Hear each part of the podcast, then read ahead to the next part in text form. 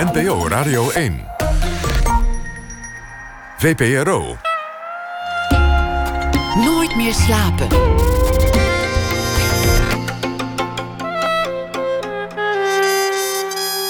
Met Pieter van der Wielen.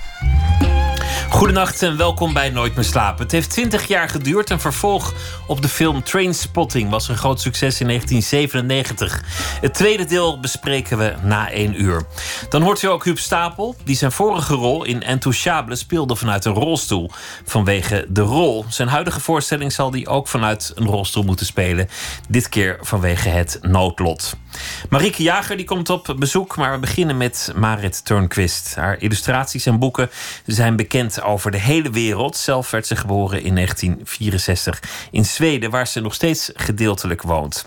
Haar moeder was vertaler en zodoende kende zij al jong Astrid Lindgren, bedenker van Pippi Langkous, de gebroeders Leeuwenhard en Ronja de Roversdochter. Later, veel later, zou Marit zelf illustratrice worden. Onder meer van de boeken van Lindgren, maar ook van heel veel andere titels. Tegenwoordig zet ze zich ook in voor vluchtelingen en dan vooral de kinderen van uh, gevluchte ouders. Een boek voor jou is een kinderboek dat aan alle kinderen in asielzoekerscentra werd gegeven. In het Arabisch met een kennismaking met de belangrijkste kinderliteratuur van Nederland. Eerder deed ze iets soortgelijks in Zweden. De belangrijkste Nederlandse auteurs zijn erin te vinden: Annie M.G. Schmid, Fiep Westendorp, Paul van Loon, Max Veldhuis, Jacques Vriends, Toon Tellegen, noem maar op. Marit Tornquist uh, maakte zelf ook boeken. Ze illustreert niet alleen voor anderen. En ik zal een aantal titels noemen. Fabians Feest, Bellenblazen in Burundi... en Wat niemand had verwacht. Marit Tornquist, hartelijk welkom. Dankjewel.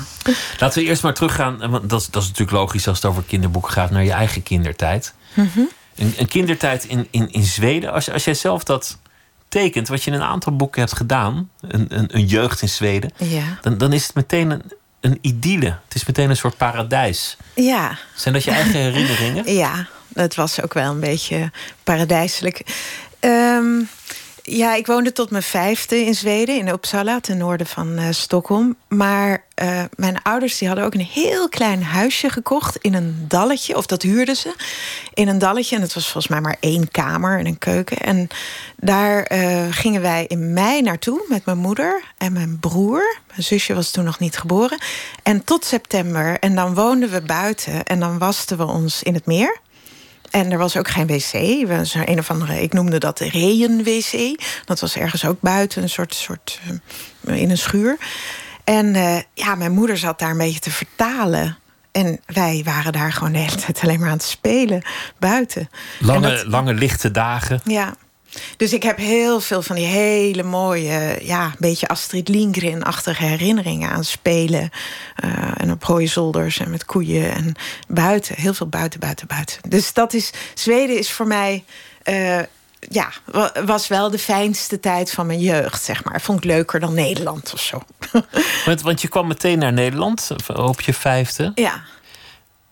Waarom was het daar minder leuk? Nou, Nederland. Uh, ik, uh, ik, het, het, Nederland was een beetje lastig voor me. Ik, ik werd gepest op school en zo. Dus, en hoe dat dan precies komt, dat, ja, dat weet je. Na afloop kan je er wel iets bij verzinnen hoor.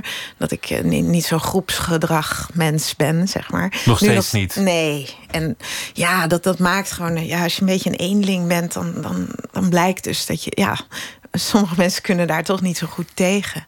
En ik had wel meningen het was niet, ik was niet iemand die zich stilhield helemaal. En dat misschien ben ik nog steeds precies zo, maar alleen als kind kan dat.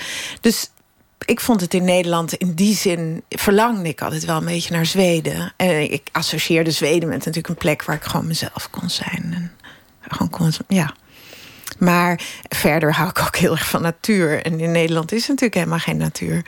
Uh, niet, dat... niet in de mate waarin dat in, in, in Zweden is. Nee. Maar je was natuurlijk ook wel een beetje buitenstaander. Want je, je komt dan uh, uit een ander land. Ja, je ik kon ook moet... helemaal geen woord Nederlands nou toen ja, ik hier daar kwam. ga je al. Ja, maar ja, dat leer je natuurlijk op zich wel snel. Maar je blijft, dat is zo wonderbaarlijk. Dan heb je er maar vijf jaar gewoond, je eerste vijf jaren. En wat dat voor sporen nalaat. Het blijft gewoon ja, er zijn, er zijn geuren, er zijn klanken, er zijn mu bepaalde muziek of liedjes.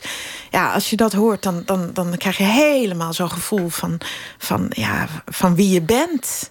Uh, en dat is ja, ik vind het eigenlijk bijna angstaanjagend. Dat gaat nooit meer weg. Dat, is nu nog zo. zo. Dat gaat nooit meer weg. Dat gaat nooit meer weg. Dat heb ik nu nog. Als je nu, want je bent vaak in Zweden. Als je dan in een soortgelijke omgeving komt. Meertjes, huisjes, zomer. Ja, maar ik denk dat dat gewoon, dat is ook vanzelfsprekend. Dat is de helft van mijn leven geworden. Maar uh, er is iets met die wortels. He, dat je, dus, je voelt dus bepaalde. En dat kan bij wijze van spreken iets wat helemaal niet speciaal leuk is. Bijvoorbeeld een geur van koffie die te lang op een plaatje staat. Maar dat associeer ik dan met iets in Zweden van toen ik klein was, in zo'n koffiehuisje. En dan, en dan komt er gewoon een hele wereld in één keer wordt wakker. Een en dat, sfeer. Ja, ja. En dat is wel grappig dat dat zo is. Wat, wat weet je nog van het pesten? Want, want ja, ja veel mensen nou. zijn gepest, maar, maar wat zijn de voorbeelden die, die zijn nou, bijgebleven? Wat ik weet is dat uh, kinderen, ja, kinderen die zeiden allemaal dat ik een aap was. Want ik heb een beetje zo'n ronde kaak. En dat had ik als klein kindje. Ja, als ik het terugzie, dan denk ik, ja, het was zo'n beetje een schattig aapje zoals ik eruit zag. Dus ze zeiden allemaal aap, aap, aap tegen me de hele tijd. En dat vond ik heel erg. En op een gegeven moment toen begonnen ze in de pauze, begonnen ze uh, in het zand maakten ze een uh, tekening, uh, gewoon met een stok. En dan zeiden ze: Jij bent een aap, dus jij gaat in het hok. En dat deed ik dus. Ik zat gewoon de hele pauze zat ik in dat hok. Dat liet je je aandoen op de een of andere ja, manier. Ja, en dat is heel raar als ik daaraan terugdenk. Dat ik toch te bang was om daar dan uit te stappen. Dat gebeurde natuurlijk niet elke pauze of zo. Maar, en het waren dingen waar ik ook thuis heel moeilijk over ik vertelde het hoor, dat thuis. Dan zei ik van ja, ze zeggen dat ik uitzie als een aap. Maar... En dan zeiden, zeiden mijn ouders, nou zeg, ze zijn gewoon jaloers op hoe je eruit ziet. Ja, wat is dat nou voor waanzin? Dat dacht ik natuurlijk helemaal niet. Ik vond het vreselijk. En ja, langzaam maar zeker ja, kom je natuurlijk, klim je er wel uit. Maar ja, ik, ik, werd altijd, ik werd altijd een beetje gepakt op dingen met mijn uiterlijk en zo. Dat, maar langzaam maar zeker klim je eruit. Hoe, hoe lang duurt dat? Hoe lang nou, heeft dat geduurd? Je klimt er pas uit op het moment dat je denkt... ja, ik ben wie ik ben en, en dit zal het maar moeten zijn. Wanneer was en, dat? Nou, misschien uh, eigenlijk misschien pas nadat, nadat ik van de Rietveld afkwam, denk ik. Zo laat. Toen ik echt boeken begon te maken. Ja, want zelfs op de Rietveld, ah, weet je, dan kwam ik weer in die punktijd terecht in de jaren tachtig. En dan was ik zo'n meisje die, die gewoon de hele dag heel fanatiek zat te tekenen. Ik was veel te ijverig en ik was, ik vond, en ik wilde door, door Lapland lopen met een rugzak, terwijl iedereen de hele tijd aan de druk zat en, en in de punk was. En zo, ja, weet je, het klopte allemaal niet. Maar dus daar liep je, ik ook weer mijn eentje. Je wilde ook eigenlijk niet bij de groep horen, want dat, nee. dat, dat, past je ook niet. Nee, dat, dat kon ook onmogelijk voor mij daar. Maar het was wel raar, want zogenaamd had ik dan mijn collega's gevonden, hè, de, de, hè, mijn klasgenoot. Maar nou, er was amper iemand waar ik mee uh, optrok eigenlijk. Dus dat was toch een beetje vreemd. Dus dat heeft best wel lang geduurd. Maar nu heb ik toch eigenlijk heel veel mensen om me heen. En heb ik het eigenlijk wel prima. Maar als je naar de Rietveld gaat, dan, dan ben je heel goed in wat je doet. Want daar kom je niet zomaar terecht. En dan, en dan heb je ook al een soort overtuiging dat je dat kan. Deed dat niks voor je, sociaal, dat, dat je goed kon tekenen? Um, jawel, nou, sterker nog, ik vluchtte in het tekenen. Kijk, ik bedoel, um, ik, ik, uh, op die Rietveld, daar daar had ik echt, was, ik was nogal alleen in die tijd. Dus ik zat gewoon ontzettend veel uren te tekenen. Um, juist om, om eigenlijk gewoon omdat ik niet zoveel andere alternatieven had op dat moment. En eerder, toen ik op de middelbare school zat, nou, dat was inderdaad wel leuk. Daar kon ik best redelijk goed tekenen, vergeleken met uh, sommige anderen. Maar ik had zelf eigenlijk in eerste instantie niet eens bedacht dat ik naar een academie zou gaan. Dat was mijn tekenleraar die. Uh, die daar enorm op hamerde dat ik dat moest doen. En toen dacht ik, ja, ach, waarom niet? Uh, als ik toch altijd wil tekenen of dingen maken, dan uh, kan ik misschien wel naar zo'n school. Maar ik, het was niet dat ik nou uh, liep te blaken van zelfvertrouwen. Dat is ook het rare, weet je. Dan, dan kan je dat goed, maar ja, dan ben je meer bezig met hoe je eruit ziet, bij wijze van spreken. En dat, dat, op, op die leeftijd is het toch een beetje ingewikkeld. Als je het hebt over een sfeer, zoals je in, in Zweden de, de geur van aangebrande koffie brengt je terug naar een sfeer waarin, je, waarin het leuk is. -hmm. Was tekenen ook een soort sfeer of toestand waarin het leuk was? Ja. Ja, dus als ik uit school kwam, ook op de middelbare school, dan uh, als ik, als ik mijn huiswerk af had of zo, dan, dan ging ik wel heel vaak zitten schilderen. En dat was zo fijn. En dan zet ik mooie muziek op en een kopje thee. En dat doe ik nu nog steeds. En ik heb ook altijd Uh, ja, natuurlijk, ik teken nog steeds. Maar ik probeer altijd die sfeer terug te pakken van dat het niet hoeft. En dat ik het alleen maar voor mijn plezier doe. En dat het heel gezellig is. En dat ik misschien mooie muziek op heb staan. En geen dwang, geen deadlines, geen ambities. Nee, ik wil geen deadlines. En dat is heel uitzonderlijk in mijn vak. Want ik word gek van deadlines. Ik er is altijd haast, toch? Ja, en ik, ik, heb, ik ben nu al bijna drie jaar aan mijn boek bezig. Maar nu begint mijn uitgever wel. Die heeft nu die heeft gewoon een deadline gesteld. Want die hebben nu een soort dineetje georganiseerd waar mijn boek gepresenteerd wordt, wat nog niet af is, om mij een beetje te lokken, zeg maar, dat ik het af ga maken. En dat probeer ik ook wel, maar ja, ik zie het toch niet als al te strak. Wat ik mooi vind aan, aan veel van jouw tekeningen is, is dat, het, dat het heel uh, tactiel wordt. Dat, dat, je, dat je dingen kunt voelen. Je kunt ze aanraken. Een houten tafel heeft ook echt een oppervlak dat, dat een beetje eh, ruw is, waar je, waar je aan kunt schrapen. Uh, een, een, een huid van een dier is aaibaar of juist ruw.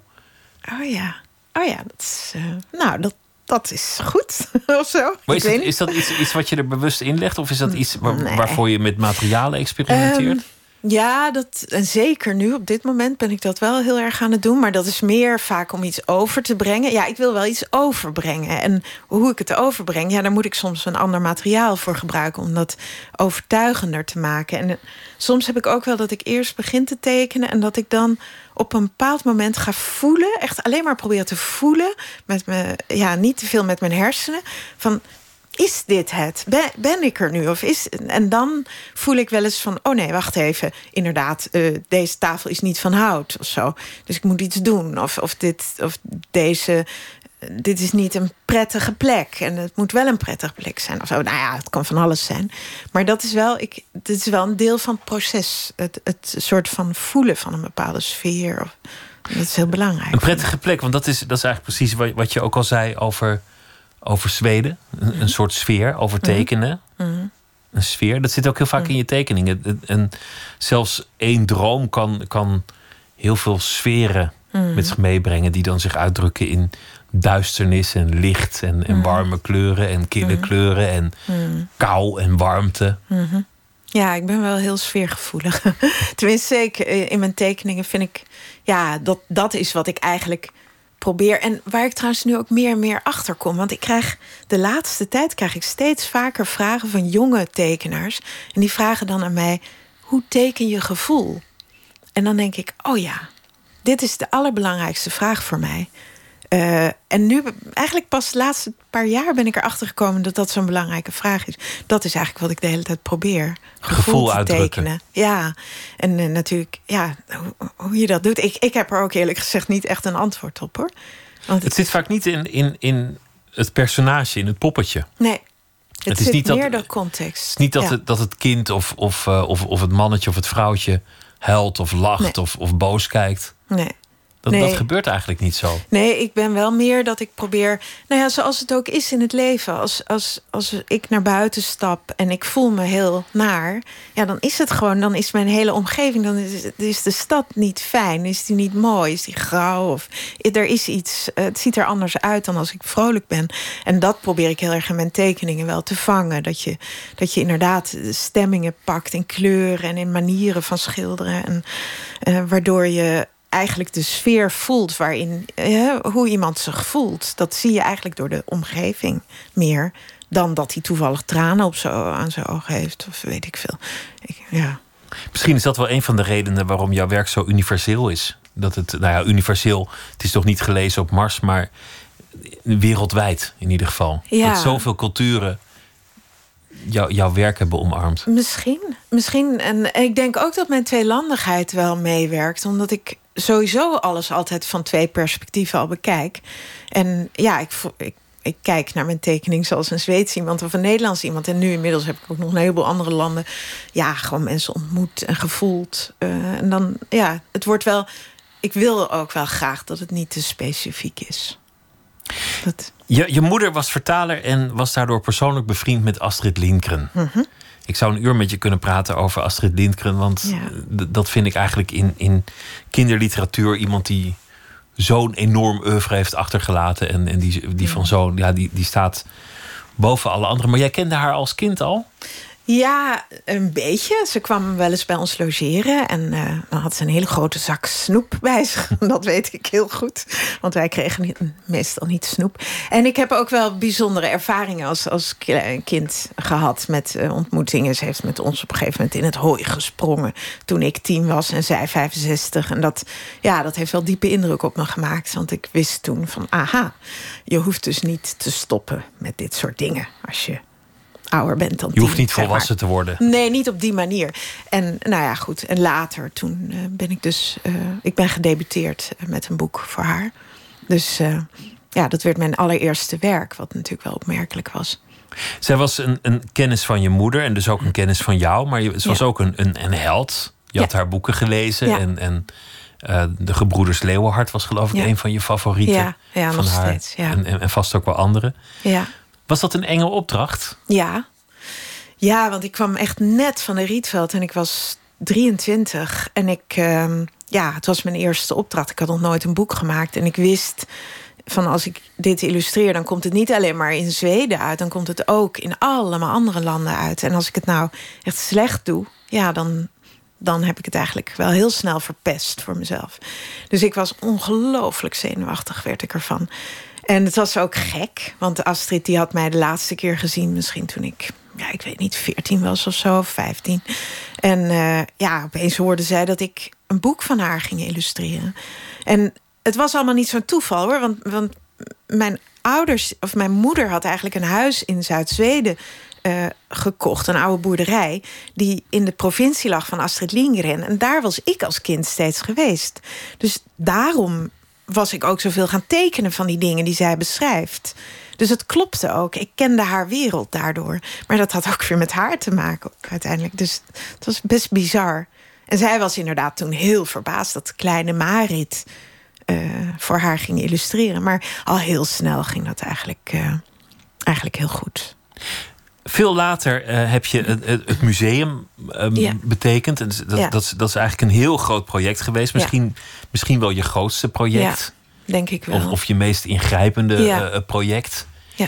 Ehm, en toen, toen schijnt zij gezegd te hebben dat ze pas aan die tekeningen zag hoe goed haar werk was, haar, haar eigen werk. Ja. Dat is natuurlijk een heel mooi compliment. Ook, ook een vreemd compliment, ja. maar wel degelijk een compliment. Ja, nou, ze, was, ze, ze vond het denk ik ook interessant, omdat ik natuurlijk toch on, ongemerkt heel erg analyseer ook voordat ik teken. Ik maak keuzes en ik en, en ja, en die keuzes die, die, die beschreef ik aan haar en die besprak ik waarom ik bepaalde dingen belangrijk vond in de focus. Nou ja, goed. En daarmee ja, kwam er natuurlijk ook al die lagen van haar werk, die kwamen daardoor natuurlijk ook naar boven. En dat is wel ja, het was heel leuk. Het was heel fijn. En ze was ook, nee, het was een eh, goede supporter, zeg maar. En om erbij te hebben. Ik mis haar ook nog wel. Kan ik wel. Ja, ze is alweer 15 jaar dood dit jaar. Ja, maar ik bedoel, ik mis haar niet, niet dagelijks natuurlijk, maar wel dat ik denk van ja, zoals zij die samenwerking was en de manier waarop ze ja, toch echt mij heel erg vrij liet en tegelijkertijd heel, ja, het ook heel erg ervan genoot. Dat vond ik wel heel leuk. Wat ook bijzonder was aan Astrid Lindgren was dat, dat ze ehm, geëngageerd was. Ze sprak zich uit Ja. in, in heel veel kwesties. Ja. Niet alleen kwesties die met kinderen te maken hadden, Nee. ook daarbuiten. Ze was, ze was politiek heel betrokken. Ja. En ze was eigenlijk niet heel goed te vangen in, in een kader van een partij of een stroming of een Nee. ideologie. Nee. Maar, maar ze was wel wijs. Ze heeft zich ingezet tegen het, eh, het hoogste belastingtarief in Zweden van, Ja. ik geloof, 105 procent Ja. in de, in de jaren 70. Ze, ze was tegen toetreding eh, tot Europa en dan vooral de euro. Wat best wel gek is voor een kinderboekenschrijfster om daar ineens zich zo over op te Ja. winden. Nou, het is sowieso in Zweden meer dat schrijvers gezien worden als belangrijke stemmen in de politiek. Dus er wordt, wordt wel vaker worden schrijvers om raad gevraagd in bepaalde situaties. Dus ze zijn er iets meer aan gewend dan in Nederland. In Nederland hoor je dat niet zo gauw. Maar zij was wel e- extreem en zij kwam op voor allerlei. Ja, ook mensen die, die het gewoon lastig hadden in de maatschappij. En ze was ook op een gegeven moment een soort. Ja, de mensen kwamen ook weer op haar af daardoor, omdat ze wisten dat ze soms eh, groepen in bescherming nam of individuen in bescherming nam. Dat, eh, ze was waanzinnig geëngageerd. Heeft dat dus, invloed op jou gehad? Is dat, is dat iets waar je wel eens aan denkt? Ja, zeker. En zeker de laatste jaren. Maar ik, ja, eh, in de tijd dat ik eh, intensief met haar samenwerkte, zeg maar rond dat uh, maken van Junibakken, dat museum in Stockholm, um, ging ook constant de telefoon. En toen was ze echt oud en ook al vergeetachtig. En dat ging dan over allemaal ja, politieke kwesties. En dan moest ze commentaar even geven voor een krant of weet je wel. En dat, nou ja, er waren wel dat ik echt dacht van ja, zij doet het gewoon, weet je. Zij schrijft gewoon een brief aan de minister-president... omdat ze woedend is over een situatie. Of ze schreef aan Gorbachev brief. Weet je, ze deed het gewoon. Ze had absoluut geen rem. En uh, ik heb dat helemaal niet gedaan. Heel lang niet. Maar wel de laatste jaren ben ik daar ook mee begonnen. Ja, ik heb nog niet aan de minister-president geschreven. Maar ik bedoel, ik voel nu opeens van... oh ja, dat kan je dus gewoon doen... En dat heb ik heel, ik, ik heb haar heel erg in mijn hoofd zitten uh, daarmee. Omdat zij het ook helemaal, ze zag het ook als een soort, ja, misschien wel plicht ook voor een deel. Ik denk dat ze ook een heel duidelijke kijk had op, op wat het is om een mens te zijn en wat het is om, om in een samenleving te zijn. Want dat, dat blijkt ook uit haar boeken. Ja. Een, een heel goed besef van, van wat het is om, om te leven. Ja. En, en hoe je moet verhouden tot, tot anderen. Ja, en, en Gebroeders Leonhard is natuurlijk heel mooi, omdat het daar ook echt over. Ja, wat is nou heldendom? He, dat, dat is zo mooi uh, in verschillen, op, uh, van verschillende kanten benaderd. En dat is gewoon dat is ook best ingewikkeld. Maar heldendom, uh, ik vind dat zij wel in een bepaald opzicht een held was. Omdat ze, ze was niet bang en dat is gewoon toch een beetje. Hè, als je nu kijkt naar onze maatschappij op dit moment. Er zijn, er is natuurlijk, zijn zoveel mensen vreselijk bang. En dat is. Uh, zelfs onze politici zijn eigenlijk allemaal bang de hele tijd. Nou, niet allemaal misschien, maar, maar een heleboel van ze. Hè, bang om stemmen te verliezen en mensen te verliezen. Maar, maar op een gegeven moment ben je dus helemaal niet meer aan het.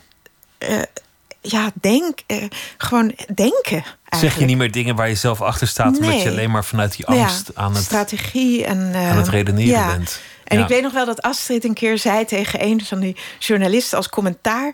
Uh, op, op een, een, bepaalde situatie. Uh, ja, ze moest een uitspraak doen over een politicus die uh, heel hard handelde naar, gek genoeg, een, het ging over een uitzetting. En toen zei ze: hij moet met zijn hart denken, zei ze. Dat was het enige commentaar wat ze had. Hij moet met zijn hart denken.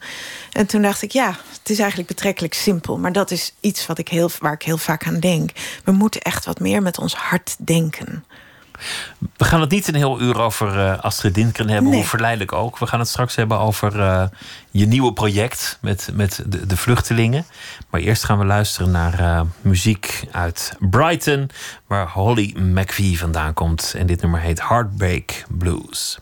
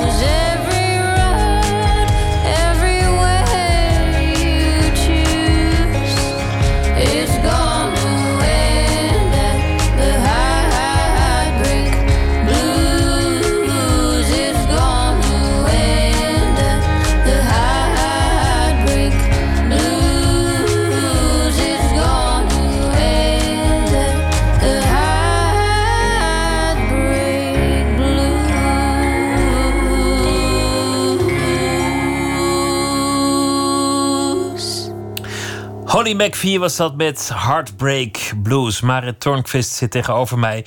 We hebben het uh, gehad uh, over uh, nou ja, hoe, je, hoe je in het tekenen terecht bent gekomen. En over Astrid Lindgren. Het probleem van de vluchtelingen van nu, de, de kwestie van de vluchtelingen, de aanwezigheid van heel veel vluchtelingen, zowel in Zweden als in, als in Nederland. Hoe, hoe is dat eigenlijk bij jou een kwestie in jouw leven geworden?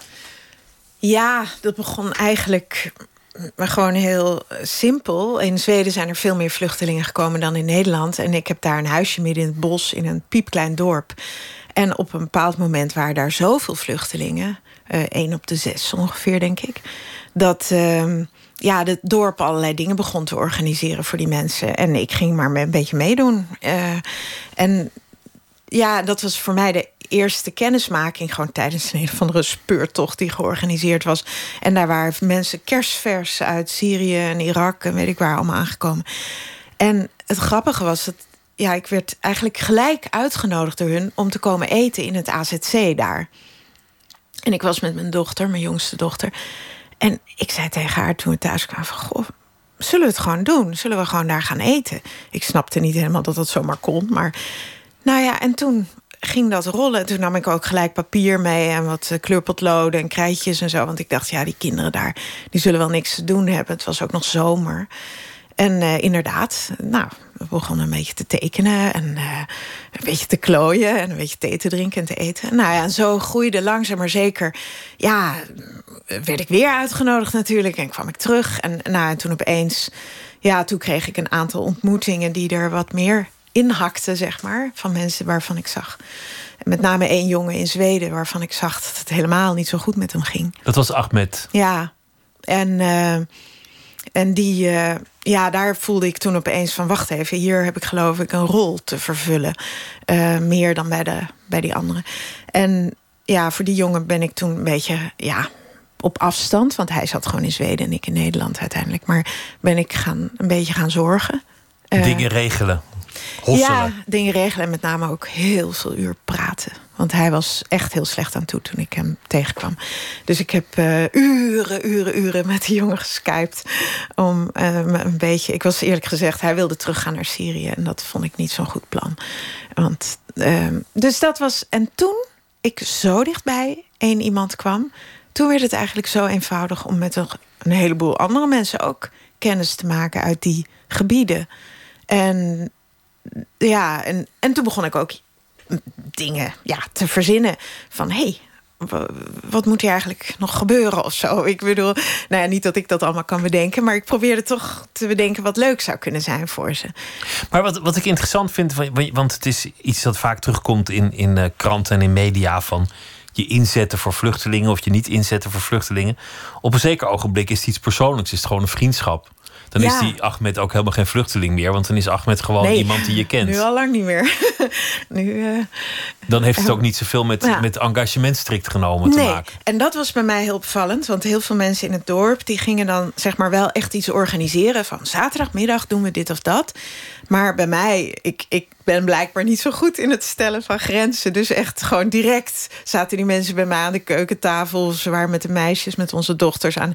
waren een paar van die jongens aan het vissen. En ja, het, het was gewoon ja, ik had helemaal geen hek, zeg maar, om mijn tuin. Om het maar zo uit te drukken. Dus ja, dat, dat, en dat ging dus direct over in, uh, in kennismaken en vriendschap. En ook wel, ja, ik werd ook ingezet op, op, op dingen waar ze echt hulp bij nodig hadden. En dat deed ik ook wel. Maar zij hielpen mij ook met dingen. En, ja. Voor je het weet heb je een fulltime baan. Kom je niet meer aan je eigen werk toe? Ja, dat is ook wel eerlijk gezegd een beetje zo geweest het afgelopen jaar. Het, werd een beetje, het liep wel een beetje uit de hand. En dat had te maken met dat ik op een bepaald moment ontdekte, eigenlijk bij hem, bij Ahmed, ontdekte ik dat uh, ik heb toen echt met de IND, de Zweedse IND, heb ik heel veel te maken gehad, omdat het zo slecht met hem ging. En toen merkte ik dus dat ik een verblijfsvergunning opeens binnen één dag kon afdwingen. Uh, niet afdwingen, dat klinkt naar, maar gewoon ja, zeggen van het moet nu. Jij, jij wist de weg en je, je sprak de taal en je kende de codes. Jij kon en dat ik schreef gewoon, de mails en ik. ik je kon het regelen. Ja, en dat was voor mij een totale eye-opener. En ook wel ja, dat ik dacht: oh, wacht even. Het is niet alleen maar een bureaucratische machine. Het is iets waar je dus wel degelijk mensen hebt werken. En af en toe tref je er een die gewoon ook ongelukkig is van hoe dit allemaal moet gaan. En die wil helpen. En op het moment dat ik dat wist. Uh, ging ik ook wat andere dingen doen voor een aantal andere mensen die in ingewikkelde situaties zaten. En ja, daardoor kwamen er natuurlijk ook weer meer mensen op me af. Dus op een bepaald moment weet ik nog dat we aankwamen rijden dat AZC. En toen waren we een hele tijd in Nederland geweest. En toen stapte ik uit de auto en toen renden al die, niet de, niet de kinderen hoor, alleen maar ook de volwassenen op me af. Allemaal van: oh, Do you have a house for me? Do you have a job for me? Can you help me with the papers? En mijn man die dacht echt: van, wat, wat hebben we nu voor elkaar gekregen hier? Maar ze dachten dus dat ik echt alles voor ze kon oplossen. En dat is natuurlijk helemaal niet zo maar ik vind, het, ik vind het interessant als gedachte-experiment, omdat je, dat je het, het goede doet voor, voor mensen in nood. Ja. Aan de andere kant, stel dat Einstein zich was gaan inzetten voor de vluchtelingen in plaats van briljante theorieën bedenken, ja. dan had hij de mensheid toch minder geholpen dan wanneer hij gewoon zijn werk was blijven doen. Nou, dat was natuurlijk ook een beetje een dilemma wat ontstond. Want ik merkte dus dat ik echt best wel forse dingen kon doen voor mensen die misschien wel soms bijna nou ja, niet, niet vaak hoor, maar misschien wel eens een enkele keer met leven en dood te maken hebben gehad. En dat is een heel raar soort uh, situatie waar je dan in komt. Dat je denkt van, oh, wacht even, deze brief schrijven, daar kan ik misschien wel een mens mee redden. Terwijl zo'n boekje maken, ja, dan maak je wel allemaal mensen die vinden dat misschien wel een prima leuk boekje. Maar het voelde niet als erg belangrijk meer, mijn werk. Uh, en, maar nu ben ik wel weer een klein beetje dichterbij gekomen dat ik weer een beetje het allebei wil doen. Maar ik ben dus inderdaad daardoor even helemaal uit mijn werk geraakt. Een periode. Wat was het moment dat de twee bij elkaar kwamen? Want uh, het is begonnen in Zweden dat je dacht: ik ben tekenaar. Tekeningen kunnen mensen vrolijk maken, uh, informeren, opbeuren. Nou ja, uh, kan, je, kan je van alles bij bedenken. Dat, dat je dacht: goh, een tekenboek voor de kinderen in een asielzoekerscentrum. Uh, ja, wat ik. Uh, nou, het was eigenlijk zo. In Zweden nam ik uh, al heel snel, omdat ze niks hadden, nam ik gewoon wat boeken mee die ik zelf geïllustreerd had. Zweedse boeken. Ja, nou, dat vonden ze wel leuk. Daar zaten ze een beetje in te bladeren. Maar eigenlijk, ja, legden ze ze ook redelijk snel weer weg. Want ze konden natuurlijk helemaal geen Zweeds. Nou, en ik had één Arabische vertaling van een boek van Astrid Lindgren, De Rode Vogel. Een heel mooi verhaal. En die nam ik toen mee. En toen kreeg ik een totaal andere reactie in dat AZC. Want toen waren met name natuurlijk de ouders, die doken op dat boek af. Want dat konden ze lezen. En ze begonnen erin te bladeren. En er stonden tekeningen in die een beetje Zweedsig waren. Dus dat, dat was ook heel speciaal voor hun. Want dat was het landschap waar ze middenin woonden opeens. En dan met hun eigen taal. En, uh, toen ik, en toen wilden ze dat ik dat boek achterliet daar. Maar ik had er maar één. Dus ik zei: nee, sorry jongens, ik neem het weer mee. Maar toen ben ik gaan bellen met uh, uh, mijn uitgever, mijn Zweedse uitgever. En de kleinkinderen van Astrid Lindgren, die haar werk nu eigenlijk beheren. en ik heb gezegd: van jeetje, kunnen we niet dat boek uitgeven voor gewoon, en dan, eh, we moeten toch een sponsor kunnen vinden hier in dit land met, met al die vluchtelingen. En inderdaad, dat is toen gelukt. En toen zijn 30.000 boeken uitgedeeld in Zweedse AZC's. Alle kinderen kregen een eigen boek. Dit boek. En, uh, en ook nog een ander boek. Dus het werd eigenlijk. Er waren twee die, boeken die, die kinderen, ja, ze, werden. Ze spelen, dat doen kinderen overal. Maar, maar verder vervelen ze zich natuurlijk ook flink. Ja, nou ja, de kinderen vervelen zich uh, iets minder dan de ouders, denk ik. Maar het is inderdaad wel zo dat uh, er is heel weinig waar de ouders en de kinderen bij elkaar komen. En dit was, uh, er is niet een enorme voorleescultuur in, in die landen, in het Midden-Oosten. Maar dit was opeens wel een reden waardoor ouders opeens met hun kinderen gingen zitten. En dat gingen voorlezen. Want sommige jonge kinderen konden dat schrift niet goed lezen. En de ouders kwamen opeens dichterbij zo'n zo'n Zweeds verhaal. Dus toen, eh, toen ik eh, daar eigenlijk mee begonnen was... toen ben ik tegelijkertijd, eh, toen ik weer in Nederland was... heb ik hier mijn uitgever Querido gebeld... en gezegd van, hey, kunnen we niet iets soortgelijks hier doen? En toen bedachten we hier dat we het nog wat geavanceerder wilden doen. Dat we een, een bloemlezing wilden maken. Waarin de kinderen echt zouden gaan kennismaken met uh, Jip en Janneke. En, en Pluk van de Pettenflat. En nou, gewoon alle. Kikker, noem maar ja, op. De bekende. Uh, en ik vond dat natuurlijk. Ja, ik vind ook een beetje een duizelingwekkende gedachte. Dat een kind, bij wijze van spreken, na één week hier Jip en Janneke kan gaan lezen. En dat is dan ook vanzelfsprekend voor dat kind. Weet zij veel dat het een Nederlands verhaal is. Het staat in het Arabisch. Dus ja, en dat, dat, dat is dus nu aan de hand. En dat vind ik wel heel leuk, want dat, is, dat boek is dus net verschenen. Dat is wat later gekomen. En het is in, uh, in, in, in een nou ja, flinke oplage nu al verspreid. Ja. Ook leuk dat, dat al die kinderboeken-auteurs mee wilden werken aan middagen waar, waar, waar ze voordragen of, of samen iets, iets tekenen of doen. Of, uh... Ja, dat heb ik daarna heb ik, uh, bedacht. Dat was in Zweden niet. Dacht ik van ja, ik kan wel steeds naar die AZC's. Want ik was natuurlijk in Nederland inmiddels ook in van die AZC's aan het zitten. Maar eh, ja, stel dat al mijn collega's dat zouden doen. Ik bedoel, wij zijn allemaal gewend om met kinderen dingen te doen. We weten zelf hoe belangrijk onze kindertijd is geweest voor ons. En we weten ook wat de kindertijd van deze kinderen is. Nou, dat is uh, niet zo benijdenswaardig. En eigenlijk, we weten ook dat er inmiddels muren om Europa staan. Dus daarbuiten kunnen we die muren kunnen we heel, heel moeilijk afbreken. Maar we kunnen wel alles wat binnen is gekomen, kunnen we in ieder geval ontmoeten. En dat, dat was een beetje mijn gedachte. Dus toen schreef ik een brief aan al mijn collega's. Nou, en toen waren er meer dan 110 of zo die allemaal zeker minimaal één keer naar een AZC wilden. Dus dat gebeurt nu tijdens dit voorjaar. Het is op jouw pad gekomen en het was, was ook duidelijk iets dat, dat jij kon doen. Heb je dan nu ook meer, meer uh, het gevoel van belang bij je werk? Omdat je ehm, zei van nou, het, het, was er een tijd helemaal bij ingeschoten, omdat, ik die, omdat die vluchtelingen ertussen kwamen. Ja, nou, ik voelde natuurlijk ook dat ik een beetje. Ik kreeg zoveel oorlog in mijn hoofd. Hè, door al. Ik bedoel, dat is natuurlijk wel. Hoort er ook bij. Dat je op een bepaald moment sta je bijna met één been in een oorlog zelf. En dus ik had ook behoefte om gewoon naar mijn eigen. naar binnen een beetje in mezelf te gaan. En dat is gewoon fijn van het werken. Maar wat ook zo is, is dat ik uh, niet alleen hier nu met die vluchtelingen, maar ik ben bijvoorbeeld ook in Iran geweest. Uh, in november. En toen heb ik daar weer met kinderen die, nou, straatkinderen en ook trouwens illegale vluchtelingen en zo gewerkt. En toen heb ik echt gezien wat zo'n boek kan zijn voor kinderen die nooit boeken lezen. En dat ze ja, zich helemaal ja, ze zijn helemaal in dat boek. Zo'n verhaal.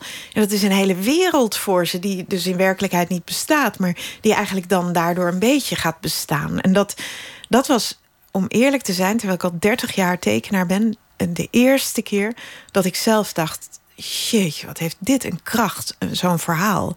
Dit, dit, dit heeft allerlei functies voor die kinderen. Um, en wij zien het niet meer zo heel erg, omdat onze kinderen zoveel krijgen.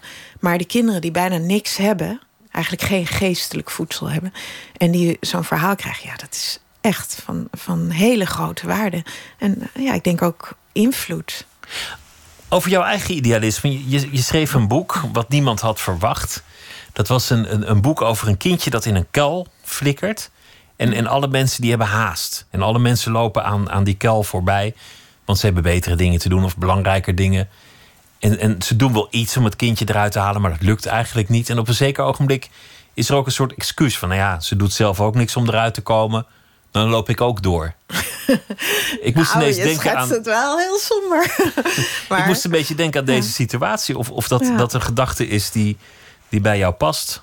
Dat je, dat je niet degene wil zijn die aan de kuil voorbij loopt. Of die nou, te druk is met dat zichzelf. Dat boek is duidelijk een voorbode geweest op wat nu is gebeurd. Want uh, ik, ben, ik heb daar toen heel lang aan gewerkt. En dat was echt jarenlang dat ik ontzettend gefrustreerd was over gewoon eigenlijk onze maatschappij. Dat het, dat het kan. Dat we, en, dan, en dan dacht ik op dat moment helemaal niet aan vluchtelingen. Ik dacht misschien meer aan mensen die heel ziek worden. En dat je dan denkt: oh nee, niet, niet nog iemand in mijn kennissenkring die nu heel ziek is. En ik heb er eigenlijk geen tijd voor. En nou, dat, ik vond het vreselijk dat het überhaupt kan ontstaan, zo'n situatie.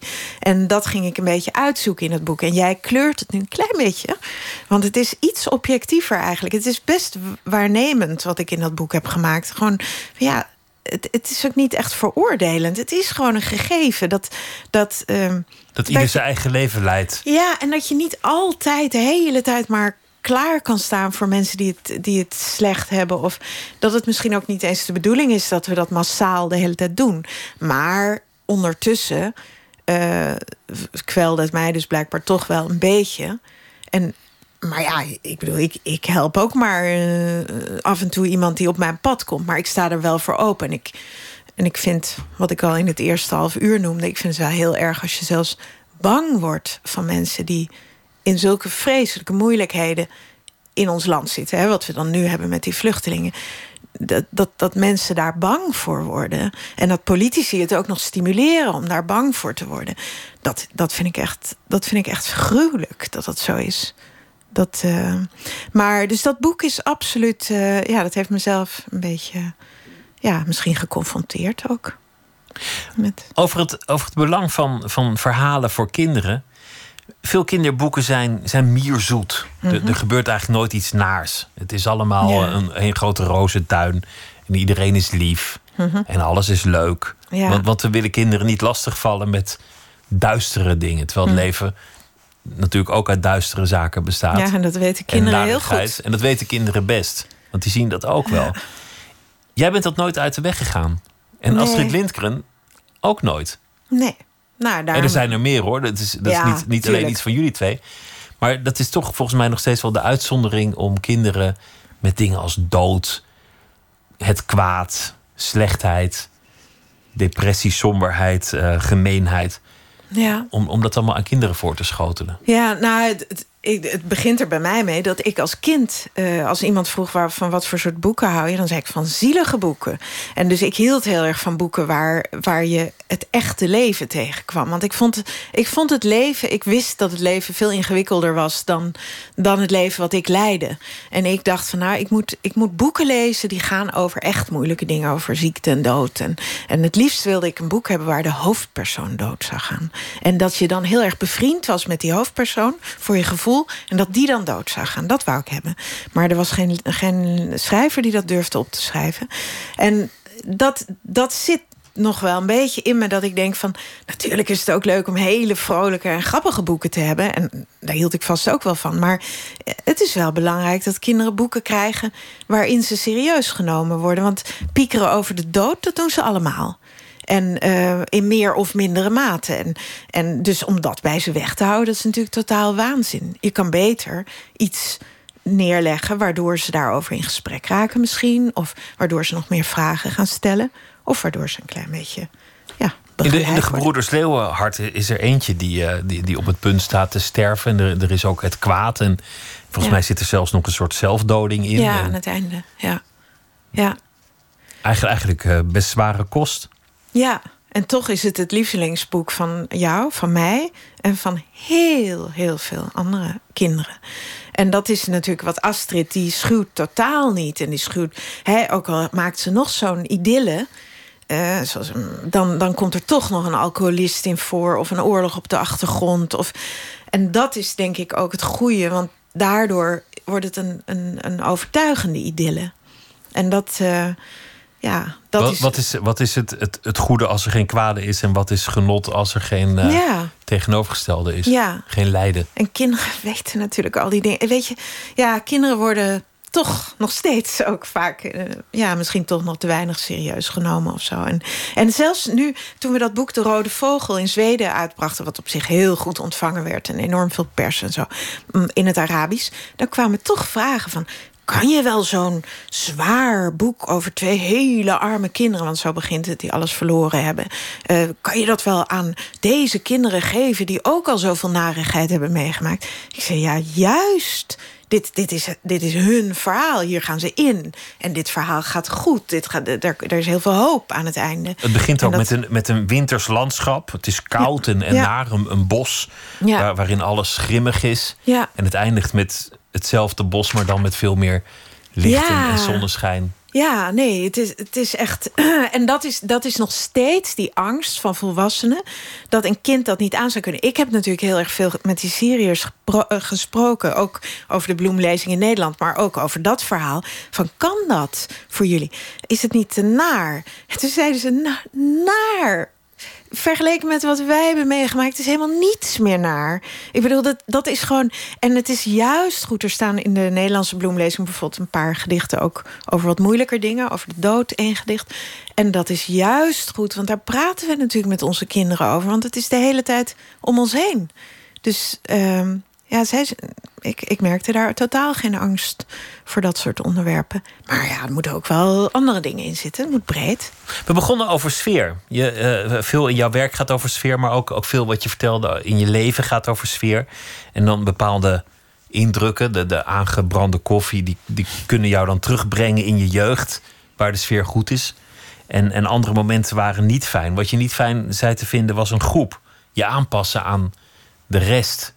Ja. Zelfs, zelfs op, de, op de academie had je dat nog, dat je, dat je niet mee wilde in de groep. Eigenlijk het liefst alleen zijn bezig met je werk, met dat, met dat tekenen. Maar toch, toch ga je dit aan en dan kom je in verhalen, in plekken, in sferen die heel naar zijn. Mensen die zijn gevlucht, die uit een oorlog komen, die alles zijn verloren. En dat, dat vraagt ook steeds meer van je en je voelt je ook verplicht om daar in mee te gaan. Eigenlijk staat het haaks op, op wat je eerder Ja. vertelde over je leven en hoe je wil leven. Ja, maar eh, heel belangrijk, het is zeker niet alleen maar zwaar. Hè? Want eh, zoals mijn jongste dochter op een gegeven moment zei... het leven is een stuk leuker geworden sinds we de vluchtelingen hebben leren kennen. We hebben natuurlijk ook, ja god, er wordt ook heel wat afgelachen. Het zijn ook gewoon Eh, leuke mensen, bedoel Ja, je? Dus we hebben zoveel, vreselijk veel plezier gehad. En alles, ja, we leven natuurlijk in een nogal gekaderde maatschappij hier in Nederland. En, en daar wordt het wat minder gekaderd. Dus, we, hebben, dus ik, ehm, maar ik voel me heel vrij met die groep. Hè. Ik bedoel, ik hoef, ik hoef ook helemaal niet in die groep de hele tijd te zijn. En ik, ik, ik blijf ook gewoon, ik blijf heel erg mezelf bij deze mensen. Dat vind ik zelf wel interessant. Ik heb, ehm, nou, sowieso blijf ik de laatste jaren ook wel meer mezelf hoor. Maar Voel je schuldig? Schuldig? Waarover? Schuldig dat je, dat, je, dat, dat je niet alles kan oplossen of dat je niet genoeg doet? Of dat je, Nee, dat Eh, voel ik niet. Dat want- voel want ik je- niet. Want is ik altijd denk, wel ik doe wat ik kan hoor. Er is altijd Nee. wel weer een hulpvraag. Ja, dat is waar. En ik, vind- ik, ik voel me af en toe wel gefrustreerd... omdat sommige dingen niet lukken. Maar ik zou me niet... Nee, ik voel me niet schuldig, want ik probeer wel... ehm, ja, binnen mijn macht. hè, wat, wat ik binnen mijn macht heb te doen. Ehm, maar ja, ik vind wel dat we in een best wel nare wereld leven op het moment. En dat vind ik wel moeilijk. Maar ja, dat, eh, daar kan ik mezelf niet kwalijk nemen. Alleen Maar volgens mij is de wereld in grote lijnen altijd naar geweest, toch?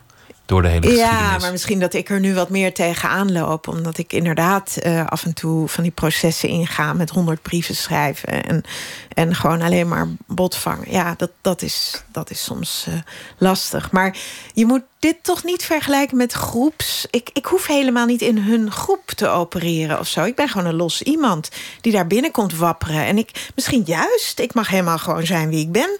En ik, ik, hoef, me ook, ik hoef me niet aan te passen. Ehm, dat is juist een heerlijke groep om in te zijn, zeg Je maar. kunt helpen en, en, en dat doe je gewoon. Ja. In je werk heb je, heb je altijd toch een zekere um, onzekerheid gehad. Of, of in ieder geval een soort, soort, soort neiging om de, om de lat heel hoog te leggen. Niet snel tevreden te zijn. Ja, dat zeggen mensen altijd over, over allerlei mensen. Maar ik weet niet hoor wat dat is. Het is gewoon. eh, ja, je gaat gewoon door. Het is natuurlijk altijd een punt dat je op een gegeven moment denkt: van nou ja, nu kan het wel door de beugel, nu kan ik het inleveren of zo. En ja, en dat duurt bij mij een beetje, misschien wat langer dan bij een ander, maar ik, ik weet het niet. Ik leg de lat gewoon zo hoog als die voor mij is. Ja, ik weet niet. Goede heb, gewoonte hoor, daar niet van. Dat ehm, ja. zouden meer mensen moeten doen. Maar ik weet niet, ik kan gewoon bepaalde dingen kan ik niet inleveren. En dan, dan zeg ik desnoods de opdracht maar af als het niet gelukt is. Dat kan nog steeds gebeuren. Maar, maar over het algemeen is het gewoon een kwestie van tijd. En, eh, eh, en veel wegleggen. En dan, en dan op een gegeven moment accepteren dat je het moet inleveren. En niet dat je je hele leven daaraan kan gaan doorwerken. Want dat, dat zou wel op de loer kunnen liggen bij mij. Dat ik gewoon mijn hele leven aan één boek wil werken. Doorgaan aan die ene Ja. sublieme tekening of dat ene sublieme Ja, werk. ja. Heeft het dan te maken met, met, met je willen bewijzen? Of heeft dat te maken met gewoon je eigen standaard? Niet met je willen bewijzen, maar je zoekt iets heel diep van binnen. En dat is het meest magische van dat hele werk. Want je weet namelijk niet precies wat het moet worden. En je snapt ook niet waarom je opeens tevreden bent. Waarom je opeens zegt: Oké, nu is het goed. Waarom? Je kan net zo goed doorschilderen. Je kan net zo goed eerder stoppen. Nou, dat, dat absolute moment van dat je accepteert dat het goed is, of, of goed, zo goed als jij het kan maken, dat, dat moet je behalen. En als je er niet bent, ja, dan kan je het niet inleveren. Zoiets is het. En dat is, ja, dat is iets mysterieus. En het is wel heel leuk eigenlijk. Dat je daar niet greep op kan krijgen. Je kan het ook niet analyseren. Uh, je zal er nooit achter komen. Je noemde je, je vriendschap met, met een, een Syrische danser, Ahmed, in, in Zweden. Mm Ik heb me laten vertellen dat er ook een Ahmed in Nederland kwam. Ja. Met, met, met wie je ook, ook een, een, een hechte vriendschap hebt, hebt ja. gekregen. Ja. Die, die, die erg leek op, op die ander op de een of andere ja, manier. Ja, maar ze, ze lijken totaal niks op elkaar, die twee jongens. Mensen. Maar het is wel heel leuk. Want dat is dan weer een jongen die midden in Amsterdam woont. En die uh, ja, nu heel vaak bij ons komt en die super, super slim is. En uh, ja, weer andere soort van hulp uh, nodig heeft. Maar die wel zijn eentje hier naartoe is gekomen. Dus ook zonder familie en alles. Nou ja, en dat, dat zie ik wel meer nu. De jongens tussen 20 en 25, dat het toch wel aardig is als je een plek hebt waar je gewoon naartoe kan fietsen. En ja, waar je eigenlijk altijd wel welkom bent. Alsof je een kind van die familie bent. Dat, dat is wel dat is, maar dat is ook gewoon heel gezellig. En, en verder, um, ja, wat kan ik er meer over zeggen? Dichtbij, nou ja, heel dichtbij. En dat ze, dat Ja. ze hun, hun weg aan het vinden zijn. Want Ja. het is natuurlijk, ik bedoel, ja, vluchtelingen, het is altijd maar narigheid, narigheid. Maar uiteindelijk Nee. hoeft dat niet zo te zijn. Ja, nee, er is vreselijk veel narigheid geweest. Maar ik vind het eigenlijk ook weer heel erg doen denken aan mijn eigen kinderen. Ik heb één kind van 19, die is naar Zweden verhuisd. Nou, die, die, die, die begeleid ik, zeg maar, eh, voor zover ik haar begeleid... op dezelfde manier als, als die twee jongens. En, eh, en dat is eigenlijk zo... Ja, soms dan lachen ze me uit en dan zeggen ze... nu heb je vier kinderen in plaats van twee. Ja, nou ja, dat, dat voelt soms zo en soms niet. Maar het is inderdaad iets soortgelijks. En dan ben ik helemaal niet de hele bezig met allemaal trauma's... en allemaal van dat soort dingen. Maar meer met, wat, wat wil jij gaan doen als je... Hè, wat, wat voor studie wil je gaan doen? Of wat, waar ben je goed in? En nou, hoe gaan we kijken dat dat lukt? Zonder dat je eigen ouders je kunnen helpen. Of hè, er is wat minder eh, steun op die manier. Maar die zitten er ook nog hoor. Die zitten daar ver weg. En die bellen ook de hele tijd. Dus Maar het is Ja. leuk om te zien als het lukt. ja, en het lukt niet steeds hoor. Ik bedoel, er zijn ook. Er, je komt ook met deze mensen, ga je natuurlijk af en toe door fors moeilijke periodes. En, eh, en ik vind, ja, ik vind zoals mijn Zweedse Ahmed, die gewoon zijn familie niet kan zien, jarenlang. En dan zitten we daar leuk te skypen met zijn moeder in een kamp in Libanon. En ik zit naast hem op de bank. En zijn moeder die kan niks. Die kan hem een handkusje geven over de FaceTime. Ja, ik vind dat vreselijk. Ik, ik- ja, ik vind dat echt toch heel raar. Die situaties. Maar tegelijkertijd zit ik daar maar mooi op de bank. Dus, en hebben we het toch ook heel erg leuk. Ja. Dankjewel dat je te gast wilde zijn en eh, vertellen over je, je projecten, Marit Toornquist. Dank. En we gaan luisteren naar eh Sun Volt, een eh, band uit St. Louis, Missouri. En dit nummer heet Cherokee Street.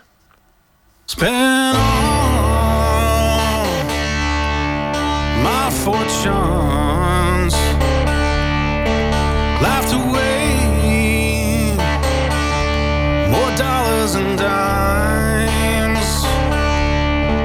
seen the smile of a Cherokee Street girl, and I know what it feels like to fly.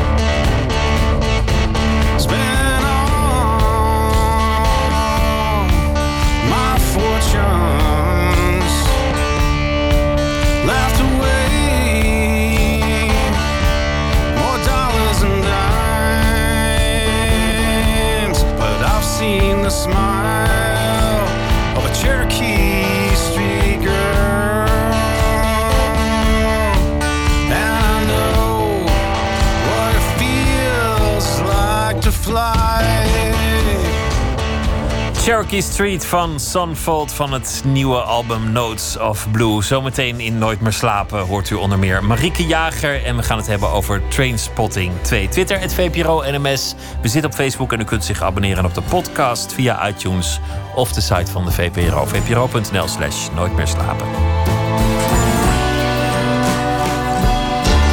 Op Radio 1. Het nieuws van alle kanten.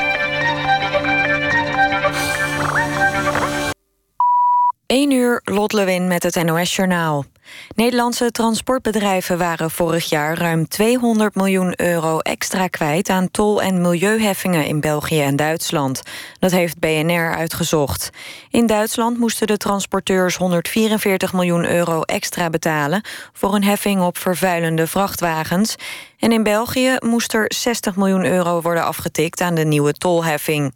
Een groot deel van de extra kosten wordt waarschijnlijk doorberekend aan de consument. Een belastingadviseur moet de gevangenis in voor het doen van een groot aantal valse aangiftes namens cliënten die de taal slecht beheersen. In de aangiftes voerde hij kosten op die niet waren gemaakt. Zijn cliënten hoefden daardoor minder belasting te betalen, wat hem een riante klantenkring opleverde. De Belastingdienst liep door de fraude ruim 470.000 euro mis. De ongeveer 2500 klanten hadden geen idee van de fraude. De bijna 200.000 omwonenden van de hoogste dam van de Verenigde Staten mogen weer naar huis. Door hevige regenval was de Oroville-dam in Californië zo beschadigd dat overstroming dreigde. Inmiddels is er genoeg water uit het Stuwmeer afgevoerd en kunnen de bewoners per direct terug. De autoriteiten roepen wel op om waakzaam te blijven. Patricia Pai heeft aangifte gedaan tegen de websites Geen Stijl en Dumpert... wegens het vertonen van de seksvideo waarin ze te zien is. Vrijdag deed ze al aangifte tegen de vermoedelijke verspreider van de video. Haar advocaat zegt dat hij een ongekend hoge schadevergoeding... van enkele tonnen wil eisen om een voorbeeld te stellen. Pai zei ook in het tv-programma Jinek... dat ze zich niet serieus genomen voelde door de politie... bij het doen van de aangiftes. Toen ze haar vermoedelijk gehackte telefoon wilde inleveren bij de politie voor onderzoek, had de agent daar geen belangstelling voor. En dan nog het weer. Vannacht is het helder en met name in het noorden en oosten daalt de temperatuur tot rond of iets onder het vriespunt. Overdag stroomt zachte lucht het land binnen. Het is zonnig en in Limburg kan het 15 graden worden. Dit was het NOS Journaal. NPO Radio 1. VPRO. Nooit meer slapen.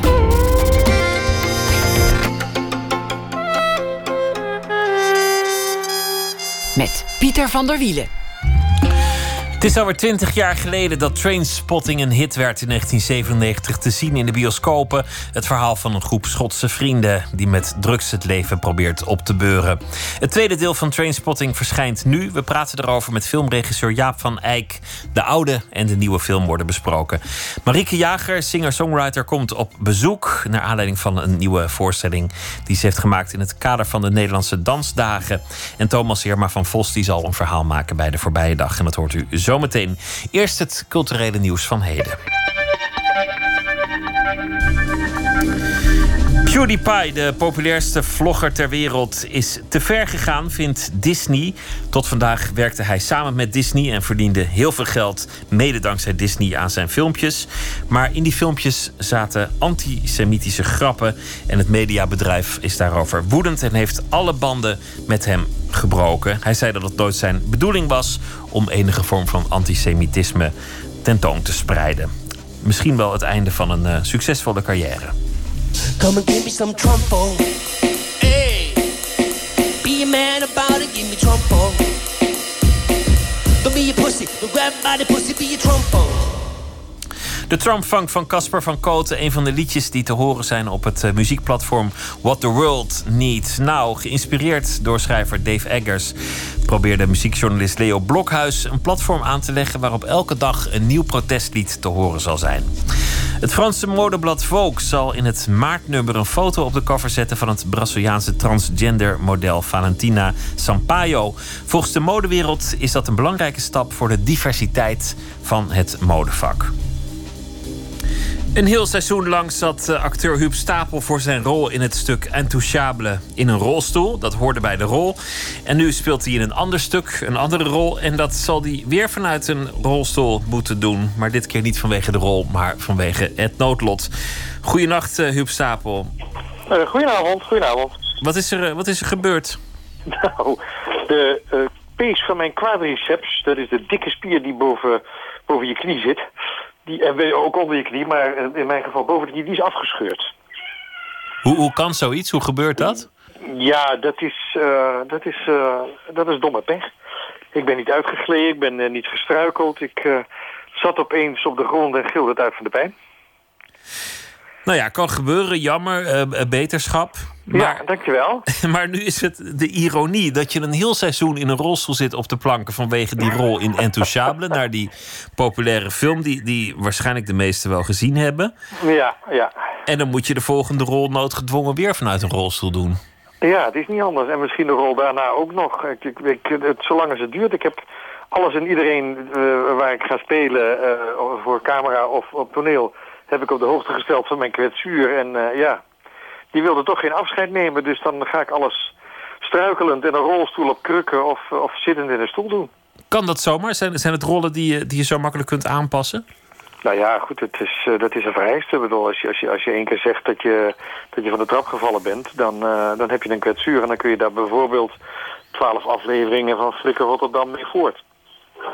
Maar je hoeft geen achtervolgingsscènes op te nemen of zoiets? Nee, anders dan zitten ze in de auto... en tegen die tijd kan ik wel weer een stukje rijden, hoor. Dat is geen probleem. Nou ja, het moet maar. Je, je hebt weinig keus. En, uh, nee, ik heb weinig keus. En niemand heeft je afgebeld, dus... Uh, nee, nee. Pinkpop was de grootste aanpassing eigenlijk. Ja, dat is het, uh, ja. dat is het huidige stuk. Wat is het voor stuk? En, want jij speelt daarin de hoofdrol ook. Ja, samen met Henriette Tol. En nog een heleboel andere. regie van Servé Hermans. Pinkpop gaat over, over een ouder echtpaar... die heel erg vaak op Pinkpop zijn geweest... En de man krijgt, krijgt Alzheimer. En aan de hand van beelden van Pinkpop... en proberen ze zijn herinnering aan het festival levend te houden. En uh, Rowan Hersen staat live op het toneel, dat moeten we niet vergeten te vermelden. Die gaan uh, speciaal voor de voorstelling gemaakte liedjes uh, spelen. Dus nou ja, dat wordt een geweldig spektakel. En zo te horen is dat wel een rol die nog vanuit een rolstoel kan. Dat is nog niet ja, zo gek. Ja, ja, ja, ja, ja, dat kan. Dat hebben we al, dat, dit is al helemaal omgeschreven. Je had het, uh, je had het beter uh, niet kunnen scheuren, die pees, of een jaar eerder met Enthousiasme. Dat was natuurlijk perfect geweest. Maar ja, je hebt, Ja. Het niet, je hebt het duidelijk niet voor het zeggen. Nee, ik heb het niet voor te zeggen. Ik, ik wens je veel beterschap. Veel dank en succes Dank met je. het programma. Dag, Jo, dag.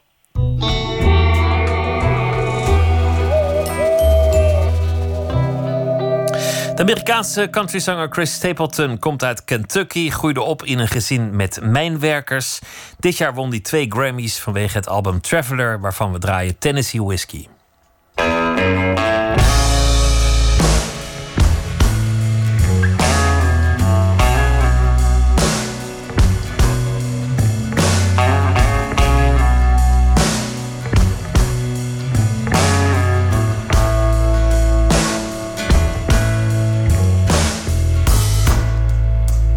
Used to spend my nights out in ballroom.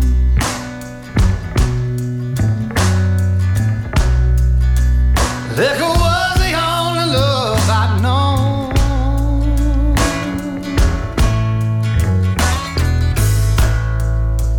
But you rescued me from reaching for the bottom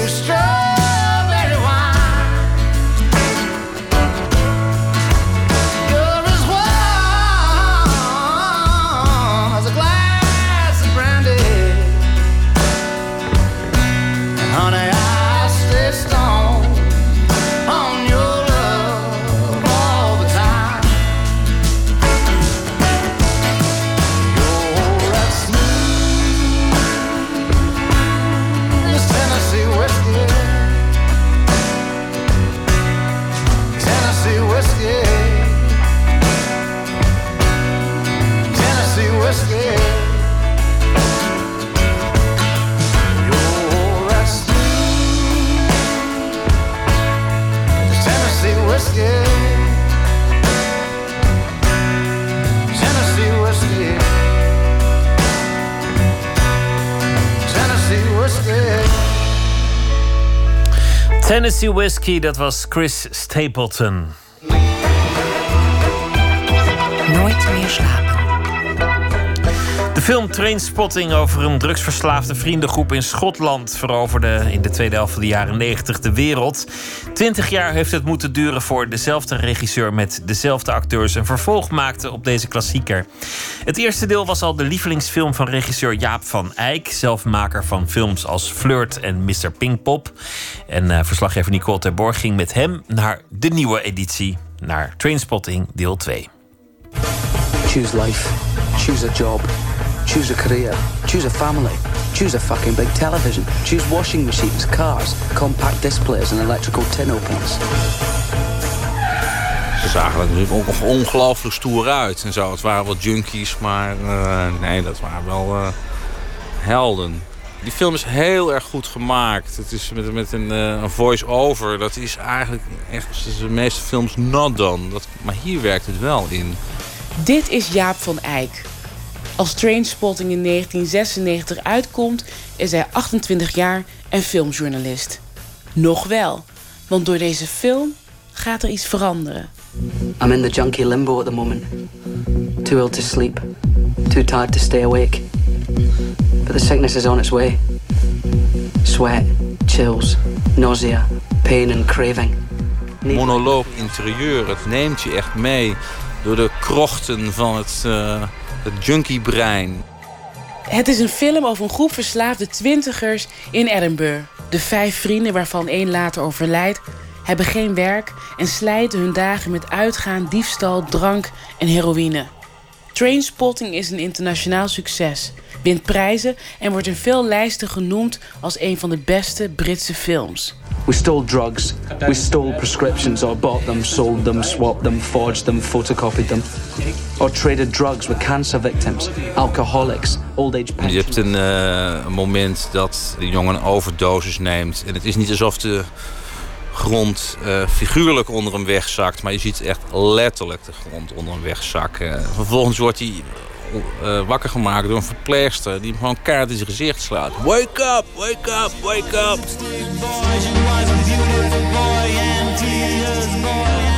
Voordat hij midden jaren 90 naar Londen gaat... om daar regisseur Danny Boyle en twee producenten te interviewen...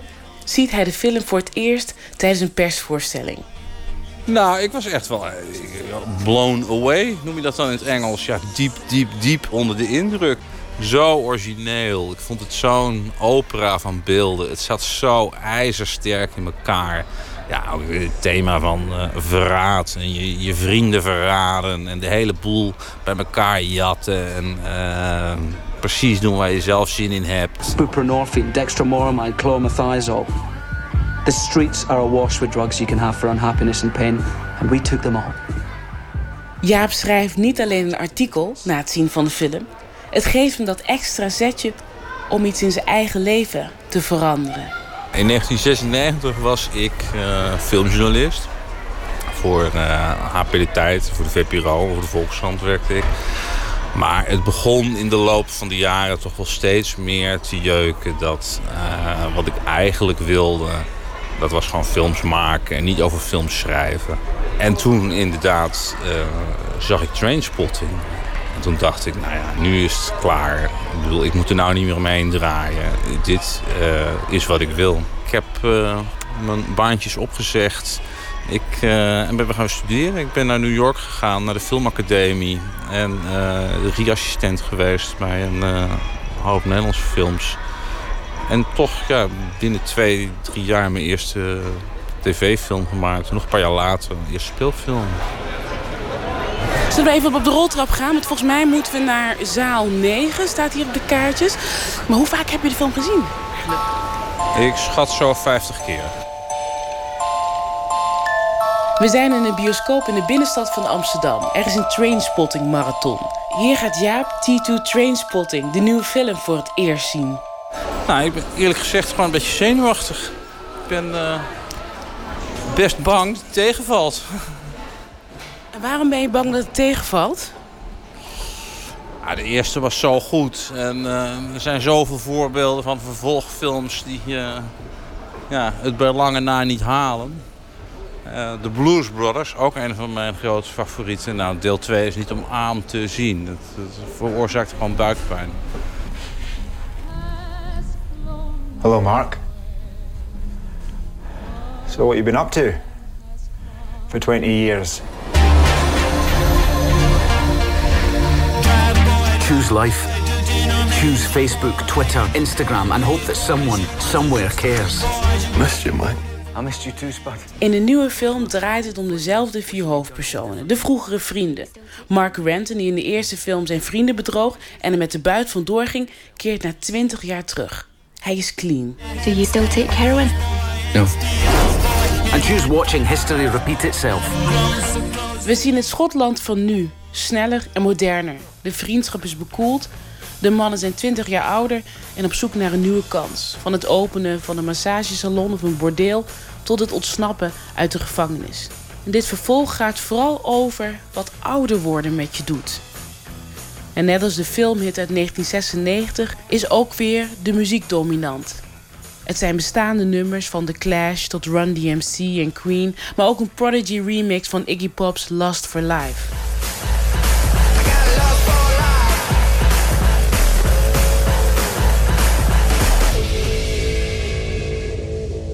We zijn net eh, de zaal uitgelopen. Wat vond je ervan? Ehm, nou, helaas. Deel 1 is een eh, meesterwerk. Eh, deel 2 is geen slechte film, maar het is geen meesterwerk. Nee. Eh, die eerste film die heeft een hele heldere premisse van... ehm, dat je probeert te ontkomen aan die zogenaamde vrienden die het leven eigenlijk onmogelijk maken.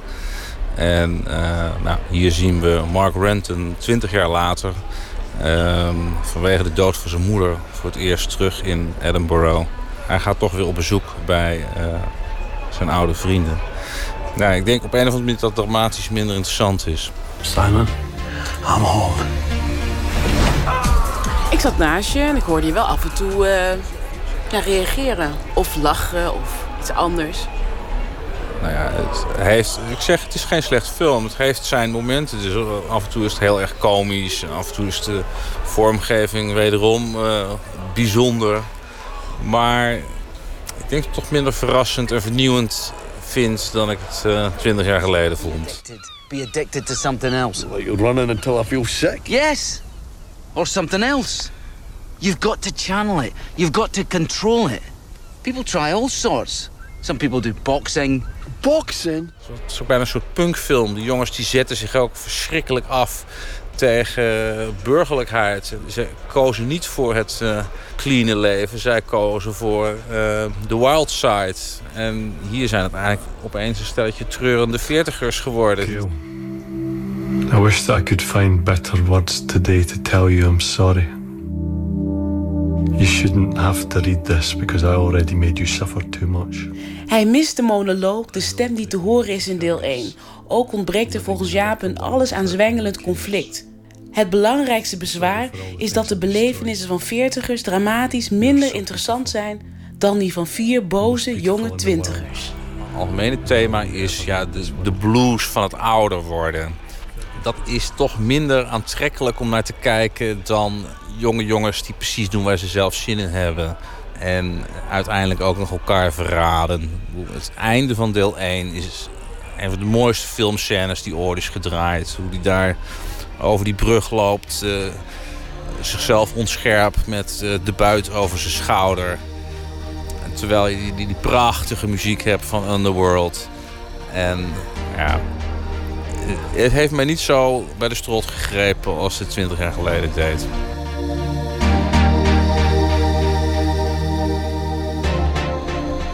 Maar ik vind het tegelijkertijd ik, eh, ik vind het heel erg moedig dat ze het hebben gedaan. Ik vind het ook heel fijn dat je echt alle medewerkers er weer betrokken waren. Zelfde producent, zelfde regisseur, zelfde scenario schrijver.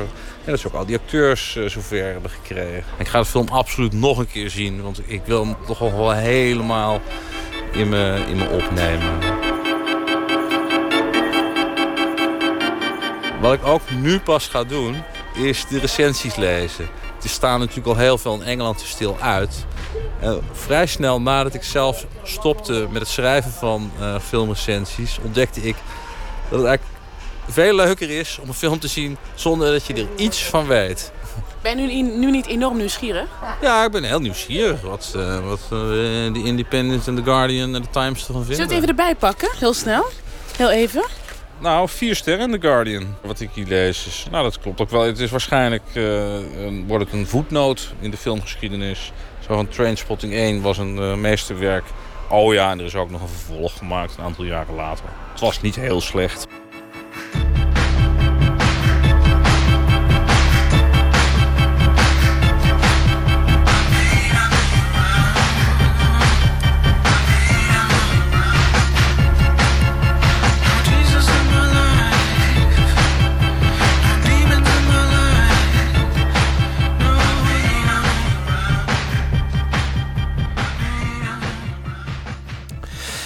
Over eh, de film eh, T2 Trainspotting, het vervolg op de hit Trainspotting. Nicole Terborg was dat in gesprek met regisseur Jaap van Eyck.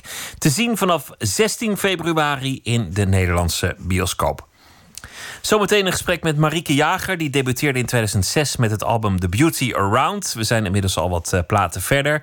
De laatste heet The Silent Song. Zometeen uh, spreek ik haar over haar samenwerking met choreograaf en danser Shailesh Bahoran. Maar eerst gaan we luisteren naar een van de liedjes van haar laatste album, Natural Way.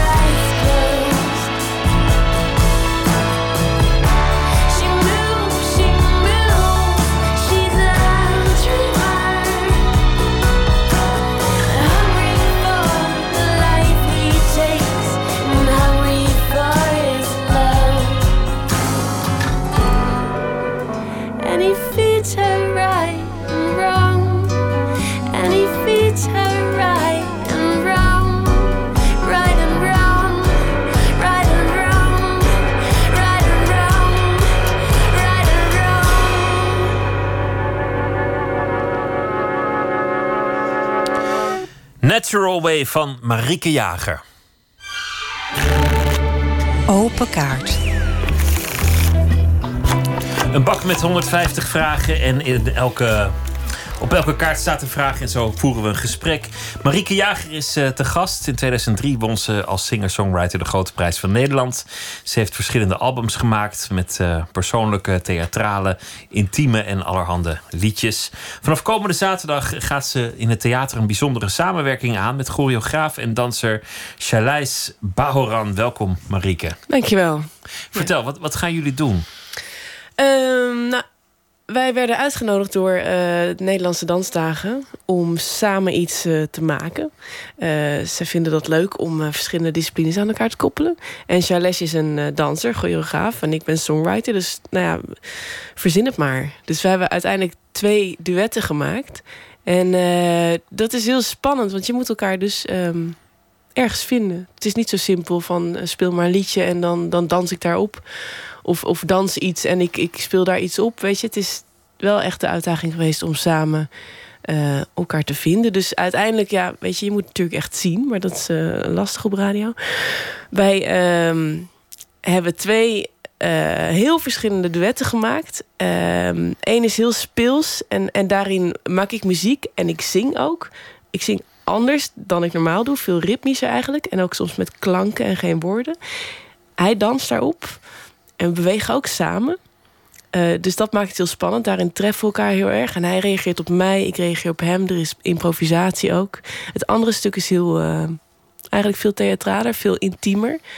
En dan zijn we ook echt heel close in, in beweging samen. Dus ik word echt uitgedaagd ook. Hij heeft mij een aantal, uh, nou niet zozeer danspasjes, maar wel ja, wat mooie bewegingen geleerd.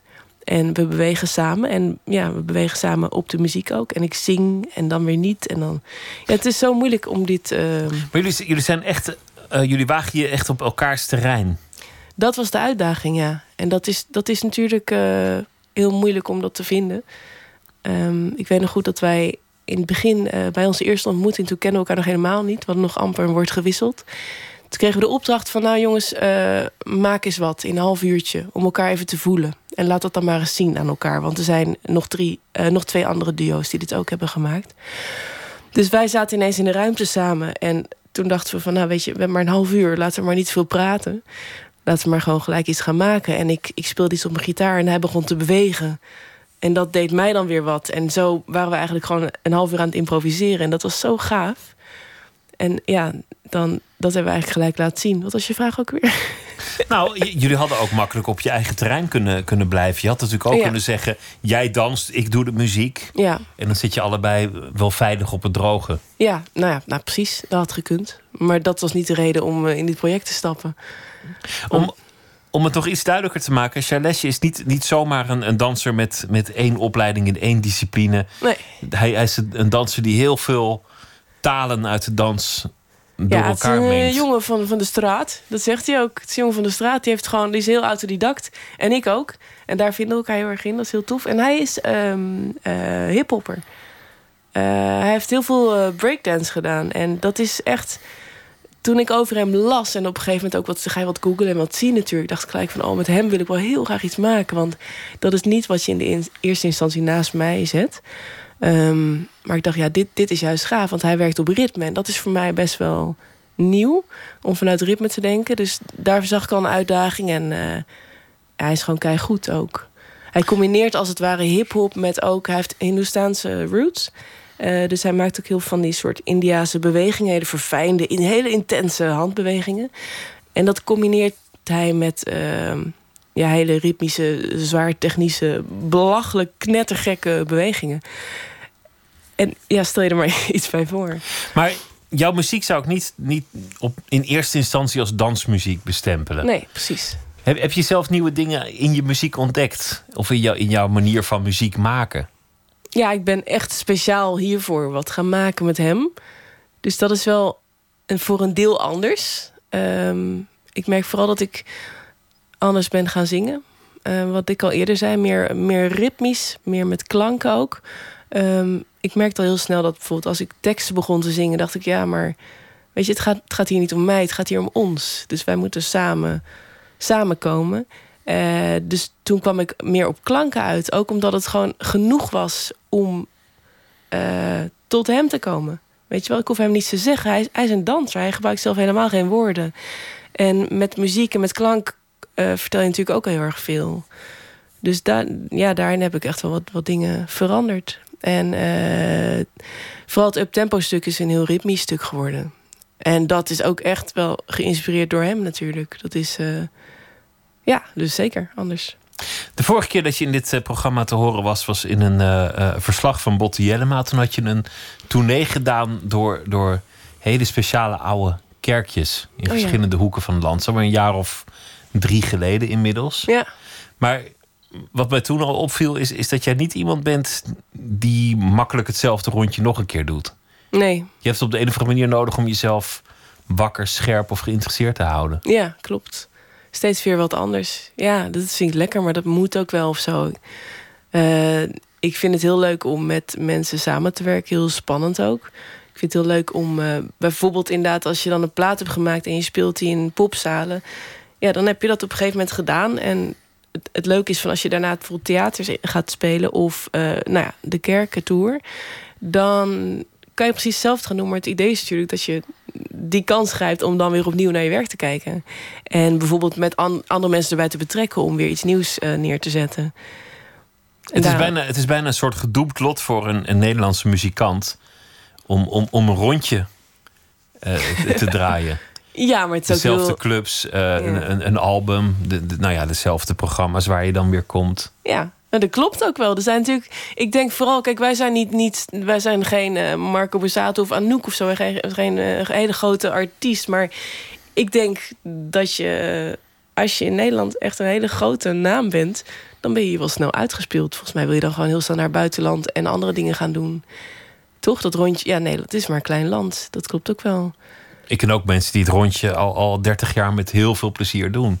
Ja, Dat, dat moet je Dat ook maar ook. gegeven zijn. Ja, als je maar jezelf ook blijft uitdagen, dus en steeds weer, weer, weer andere wegen zoekt, andere. Nou ja, met samenwerking kom je weer op andere paden uit.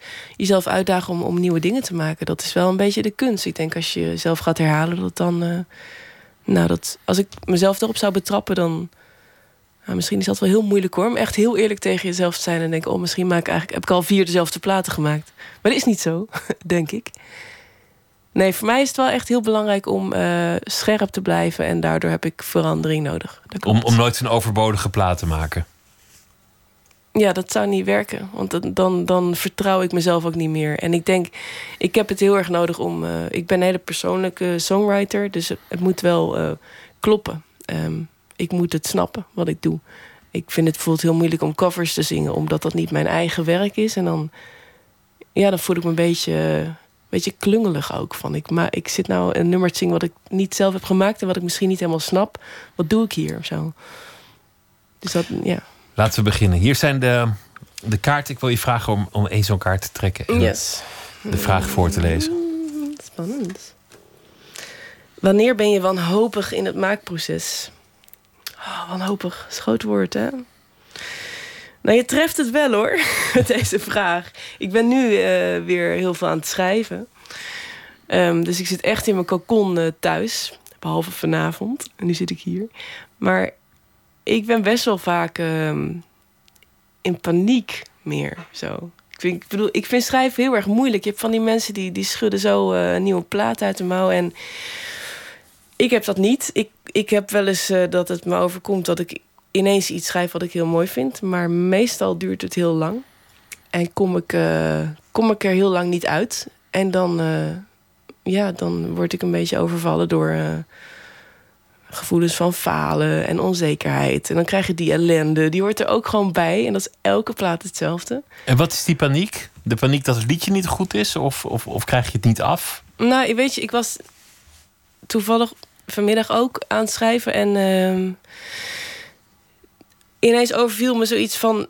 Weet je, misschien leg ik de lat voor mezelf ook gewoon te hoog. Misschien wat ik wil maken, misschien kan ik dat wel helemaal niet. Zo. Als je constant maar aan iets blijft sleutelen en het lukt niet. Dus daar kan, daar, daar kan ik best wel van in paniek raken of zo. Aan mezelf gaan twijfelen. Dus ik van, moet ik die lat dan lager leggen of moet ik, moet ik gewoon stoppen? Of moet ik dit gewoon uit mijn hoofd zetten en even gaan hardlopen en eh, over nou ja, even een nachtje op slapen en de volgende dag weer met frisse moed verder. En de kans bestaat dat er dan gewoon iets uitkomt wat ik wel heel mooi vind. Dat kan natuurlijk ook. Is, Dus het, dat- is het makkelijk voor jezelf om te oordelen of, of, of je het gevonden hebt? Of het, of, of het dat goede liedje is? Ehm, als het het goede liedje is, of het de mooie melodie of de mooie gitaarriff of zo, dan, dan voel ik dat gelijk. Ja, Ehm, dat weet ik wel. Maar er zijn ook wel heel veel eh, liedjes geweest van mij waar, waarvan ik het niet gelijk door had. Eh, daar had ik andere oren voor nodig, andermans oren eigenlijk. Om dat te gaan horen. En dat, dat had ik, ja, moest ik echt wel even overtuigd worden. Maar meestal hoor ik het wel gelijk. Ik heb vaak als ik een plaat ga maken, bijvoorbeeld, heb ik eh één of twee nummers die ik dan af heb waar ik echt, die ik echt omarm, die ik gelijk heel gaaf vind. En dan heb ik een soort houvast en dan komt de rest veel makkelijker. Als ik dat niet heb, dan moet ik vaak heel lang zoeken. We doen nog een, eh, een Ja. vraag. Yes. Mm, wat beschouw je als succes? Jemig. Wat een moeilijke vraag. Dat is een hele grote vraag. Succes. Een beetje overschat ook, hè? Ehm, nou, heel, heel klein, maar tevens groot succes is inderdaad als ik op een middag zomaar iets moois maak. daar kan ik daar ook heel gelukkig van worden. Dus geluk, eh, ja, succes is voor mij misschien gewoon geluk. Zit hem niet in, in de ontvangstzijde, in uitverkochte zalen of eh platina platen of, of het winnen van eh, Grammys? De grote prijs. nee. Nee, want dat, dat is wel verleidelijk. En dat speelt natuurlijk vaak genoeg op. Ik bedoel, je wil gewoon dat... Ja, tuurlijk wil je dat. Wil je voor volle zalen spelen. Maar... eh, nee, dus het komt in Vlaarden wel eens langs, dat gevoel. Maar eh, uiteindelijk... eh, ja, dat, ik ben nu al, wat is het, tien jaar of zo muziek aan het maken. En ik ben er inmiddels wel achter dat dat niet, dat dat niet het belangrijkste is. Ik heb echt het gevoel van als ik iets maak waar ik zelf echt heel, heel positief op terugkijk of iets gemaakt heb, dan, dan ben ik daar echt heel trots op. En dat is wel echt het persoonlijke succes, ja. Laten we nog een, eh, een kaart trekken. Mm. Welke muziek moet op je begrafenis gedraaid worden? Oh jeetje. Zullen we een andere vraag doen? Nou, wa- wa- wat, wat is voor jou... Ja, die begrafenis, weet je, die begrafenis, die, die, eh, die is nog ver weg. Maar wat, is- Mhm. wat is voor jou de, de, de muziek die het meest belangrijk voor je is? Of, of eh, Ja. Het sublieme stuk? Of, of misschien het meest Ja, ik wil vooral niet dat mensen heel hard gaan huilen. Dus dat heb je natuurlijk snel met hele mooie liedjes. Er zijn genoeg hele mooie liedjes, maar dat gaat, dus, dus, dat moet wil je ook niet zijn, of zo. ja. Het moet wel, ja, gewoon een beetje gewoon toffe muziek of zo. En er is genoeg muziek. Ik, heb, ik ben heel erg een Beatle-fan, dus dat zou heel erg voor de hand liggen om, de, liggen om daar iets van te draaien. Ehm, ja. Misschien wel een nummer van de Beatles. Toch? Welke? Enig idee? Eh, Yesterday, dat, ja, als je daar ligt. Nee, misschien wel wat ik als kind, als ik jarig was. En dan lag ik, ik was echt al vroeg fan, hè. Zo was ik acht jaar of zo. En dan was ik jarig en dan word je wakker op je verjaardag op je kamertje. Een nieuwe stereotoren gekregen. En dan zet ik van tevoren al eh, een liedje klaar van de Beatles. Om, eh, dat ze mij toe konden zingen. Dat vond ik dan leuk. En dat was eh, Birthday. Ik dacht, nou, misschien, dat draaide ik elk jaar op mijn verjaardag. Ik denk, misschien is dat dan ook wel gewoon een goeie om op mijn begrafenis eh, mee af te sluiten, als het ware. Omdat het ook gewoon een heel vrolijk nummer is. En Van de, van White dubbel. Album. Ja, prachtig. We gaan nog één, eh, één vraag doen. Ja. En dat is: wat is volgens jou de beste plek om te wonen? Oh, wauw. Nou, ik woon op de beste plek, vind ik. Waar is dat? Ik woon eh, in een klooster in Beuningen. Nou, is Beuningen nog niet gelijk. Oké. Nee, daar, daar laat ik, ik ken me even Beuningen niet over uit. Dus, dus dat, dat klinkt heel mooi. Het is vooral. Nee, ik, ik woon. eh, ik woon in een klooster met, met heel veel fijne mensen. En dus ik vind het heel fijn om een soort van op een plek te wonen voor mezelf. Maar dan wel omringd door mensen bij wie je gewoon wel even aan kan bellen als je er zin in hebt. Dus we delen dat pand en dat voelt goed. We hebben een fantastische grote tuin aan de achterkant. Ehm, het is vlak aan de Waal. Ik ga heel graag naar buiten. Dus daar, daar kom ik heel veel in de natuur. Ik heb een plek daar om muziek te maken. Ik kan daar repeteren, ik kan daar schrijven. Ehm, mijn liefje en mijn twee kindjes wonen er. Dat is ook een pluspunt. En eh, ja, dat weet je. Ik kan, ik kan, ik kan daar muziek maken en eh, mijn ei kwijt. En de mensen zijn eh, fijn om me heen. Het is een beetje koud. Dat is eigenlijk het enige. Het klinkt fantastisch. Ja, dat is het eigenlijk echt. Ik ben heel, eh, ik ben heel tevreden. Ja. Marieke Jager, dank je wel dat je wilde komen. En vanaf zaterdag is de voorstelling te zien van Ja, Marieke vrijdag Jager. volgens mij. Oh, vrijdag Volgens al. mij vrijdag in Groningen, zaterdag in Zwolle. Ja, ik Samen met vrijdag. Charles Bahoran. Yes. En, eh, dus te zien in vele theaters in het land. Veel plezier. Dankjewel. Achter het eh, muziekproject Home Shake zit Pieter Segar. En dat is de oud-gitarist van een Canadese muzikant Mac DeMarco. Hij omschrijft zijn eigen muziek als een geluidscollage van funk en RB en andere popmuziek. En het heet TV Volume.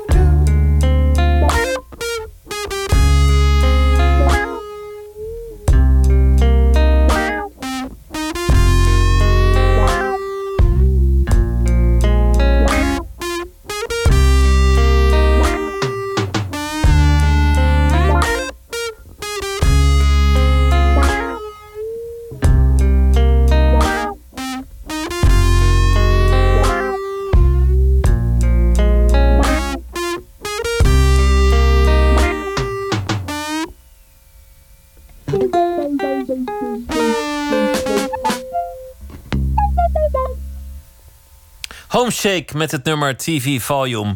Eén minuut, een reeks wonderlijke verhalen in 60 seconden. Die van vannacht heet Televisieserie. Pst, één minuut. Nou, daar kan ik heel kort en krachtig over zijn. Want ik, vind, ik vond het zo'n verschrikkelijke serie. En, en waar er nog zo ongelooflijk veel... Want er komt... Kijk maar eens hoeveel geweld daarin voorkomt. Je wil het niet weten. En ik denk, als je de kinderen zou zeggen... Nou ja, jongens, zo zit de wereld in elkaar. Een kat pakt een muis. Maar het moet niet altijd zo zijn... dat iemand zo helemaal in elkaar geslagen wordt. Ik vond het geen leuk beeld. Komt er zo'n steen naar beneden, zou ik maar zeggen. Boem, op Tom. Helemaal plat. Je ziet nog net niet dat het bloed eruit stuit. En als ik zag dat jullie naar Tom en Jerry keken... ik geloof dat ik het dan bijna nog uitdeed.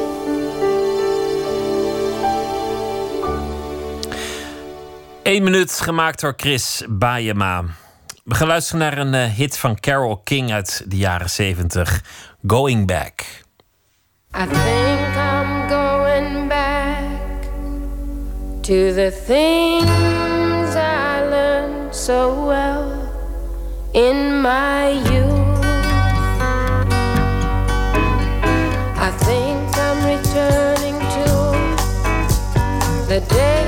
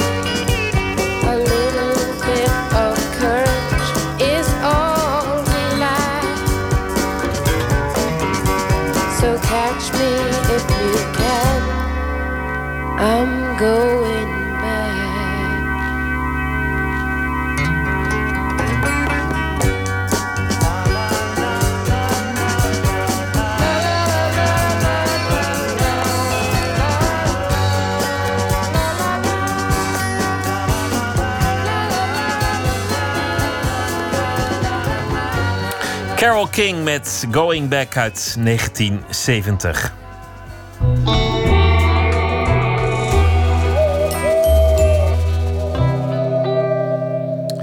Thomas Herma van Vos is schrijver en deze week zal hij elke nacht voor ons een verhaal maken bij de dag die achter ons ligt. Zijn laatste boek heet Ultimatum. Thomas, goeienacht. Goeienacht, Pieter. Vertel, wat heeft je vandaag eh, geïnspireerd? Nou, het, was, eh, het zal jou ook niet ontgaan zijn. Valentijnsdag.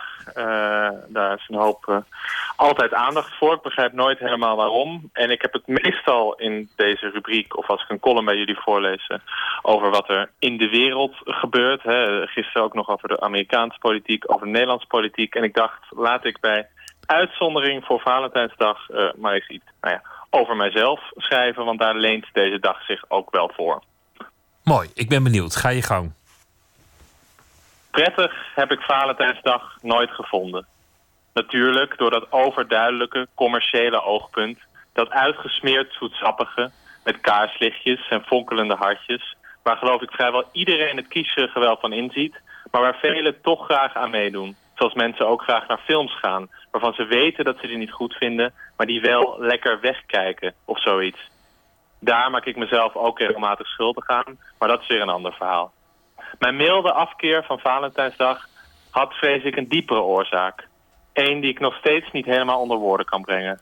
Misschien kwam het doordat ik me, veel langer dan al mijn klasgenoten, afzijdig hield van alles wat met meisjes te maken had op de middelbare school.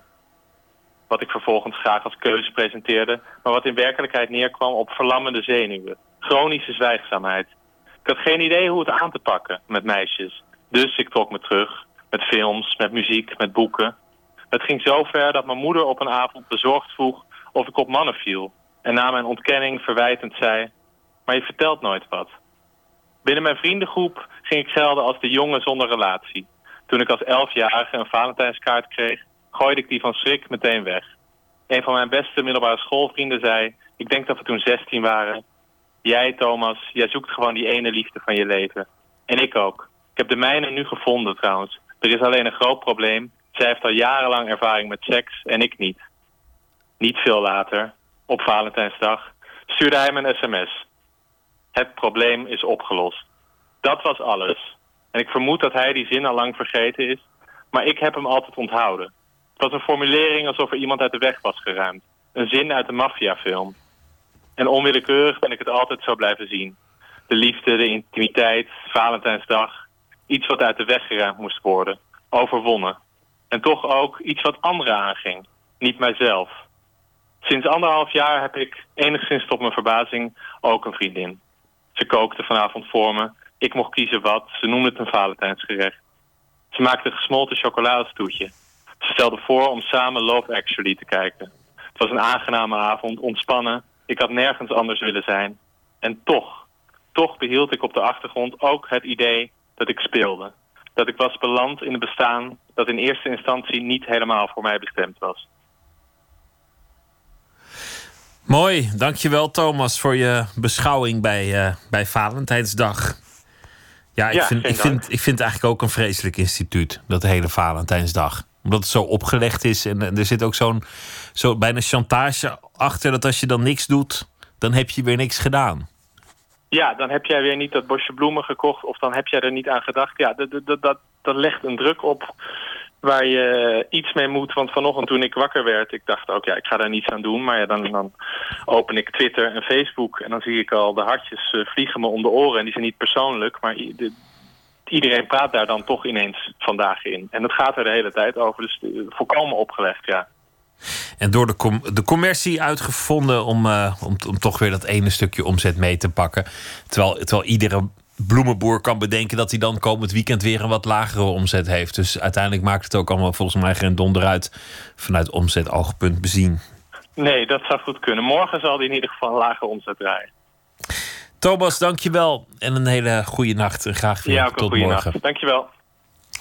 Guy Garvey, de zanger van de Britse band Elbow, maakte twee jaar geleden zijn solo-debuut. Dat noemde hij een midlife-crisis dingetje.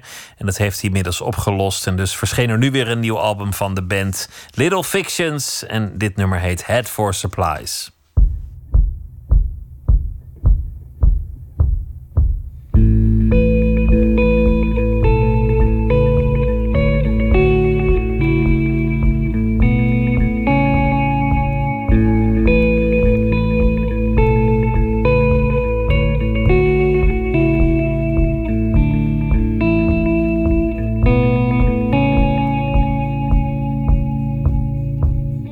Across the city, there's a golden chill, a rare holding still, as if somebody's gonna sing. A dip in tempo for the castanet shoes, no blues and twos, as if somebody's gonna sing. And in the moment, hanging on to you, were a bundle of clothes and shoes. Whatever we could find, you are the reason for this missing beats on the streets that I love and in me. Now I'm here at your side. We try to rhyme our stride and head for supplies.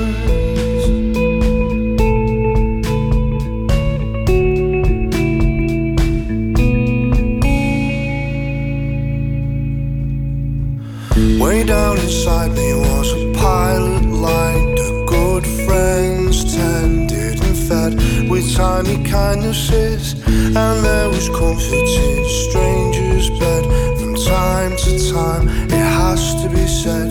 It just reminded us the brief ignition of a hopeful flame. But there and then gone, it wasn't the same. And then a rostrum struck the way you read me like you wrote this book. Chapters alone, it's still in your eyes. Now I'm here at your side, as though the street that meets our feet might know. We try to rhyme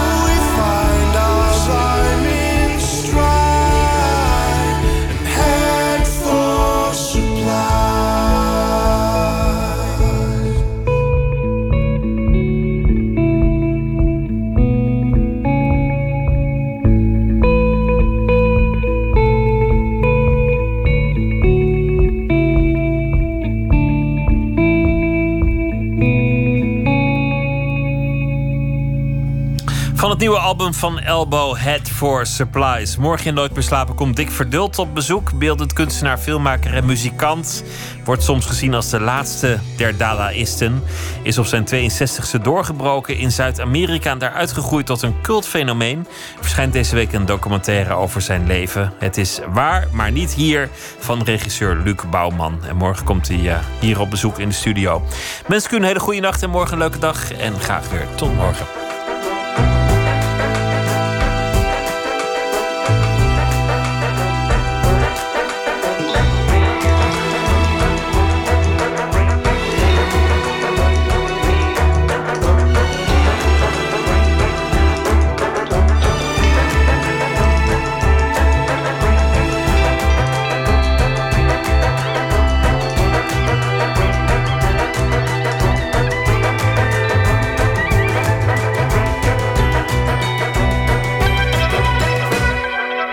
Radio 1.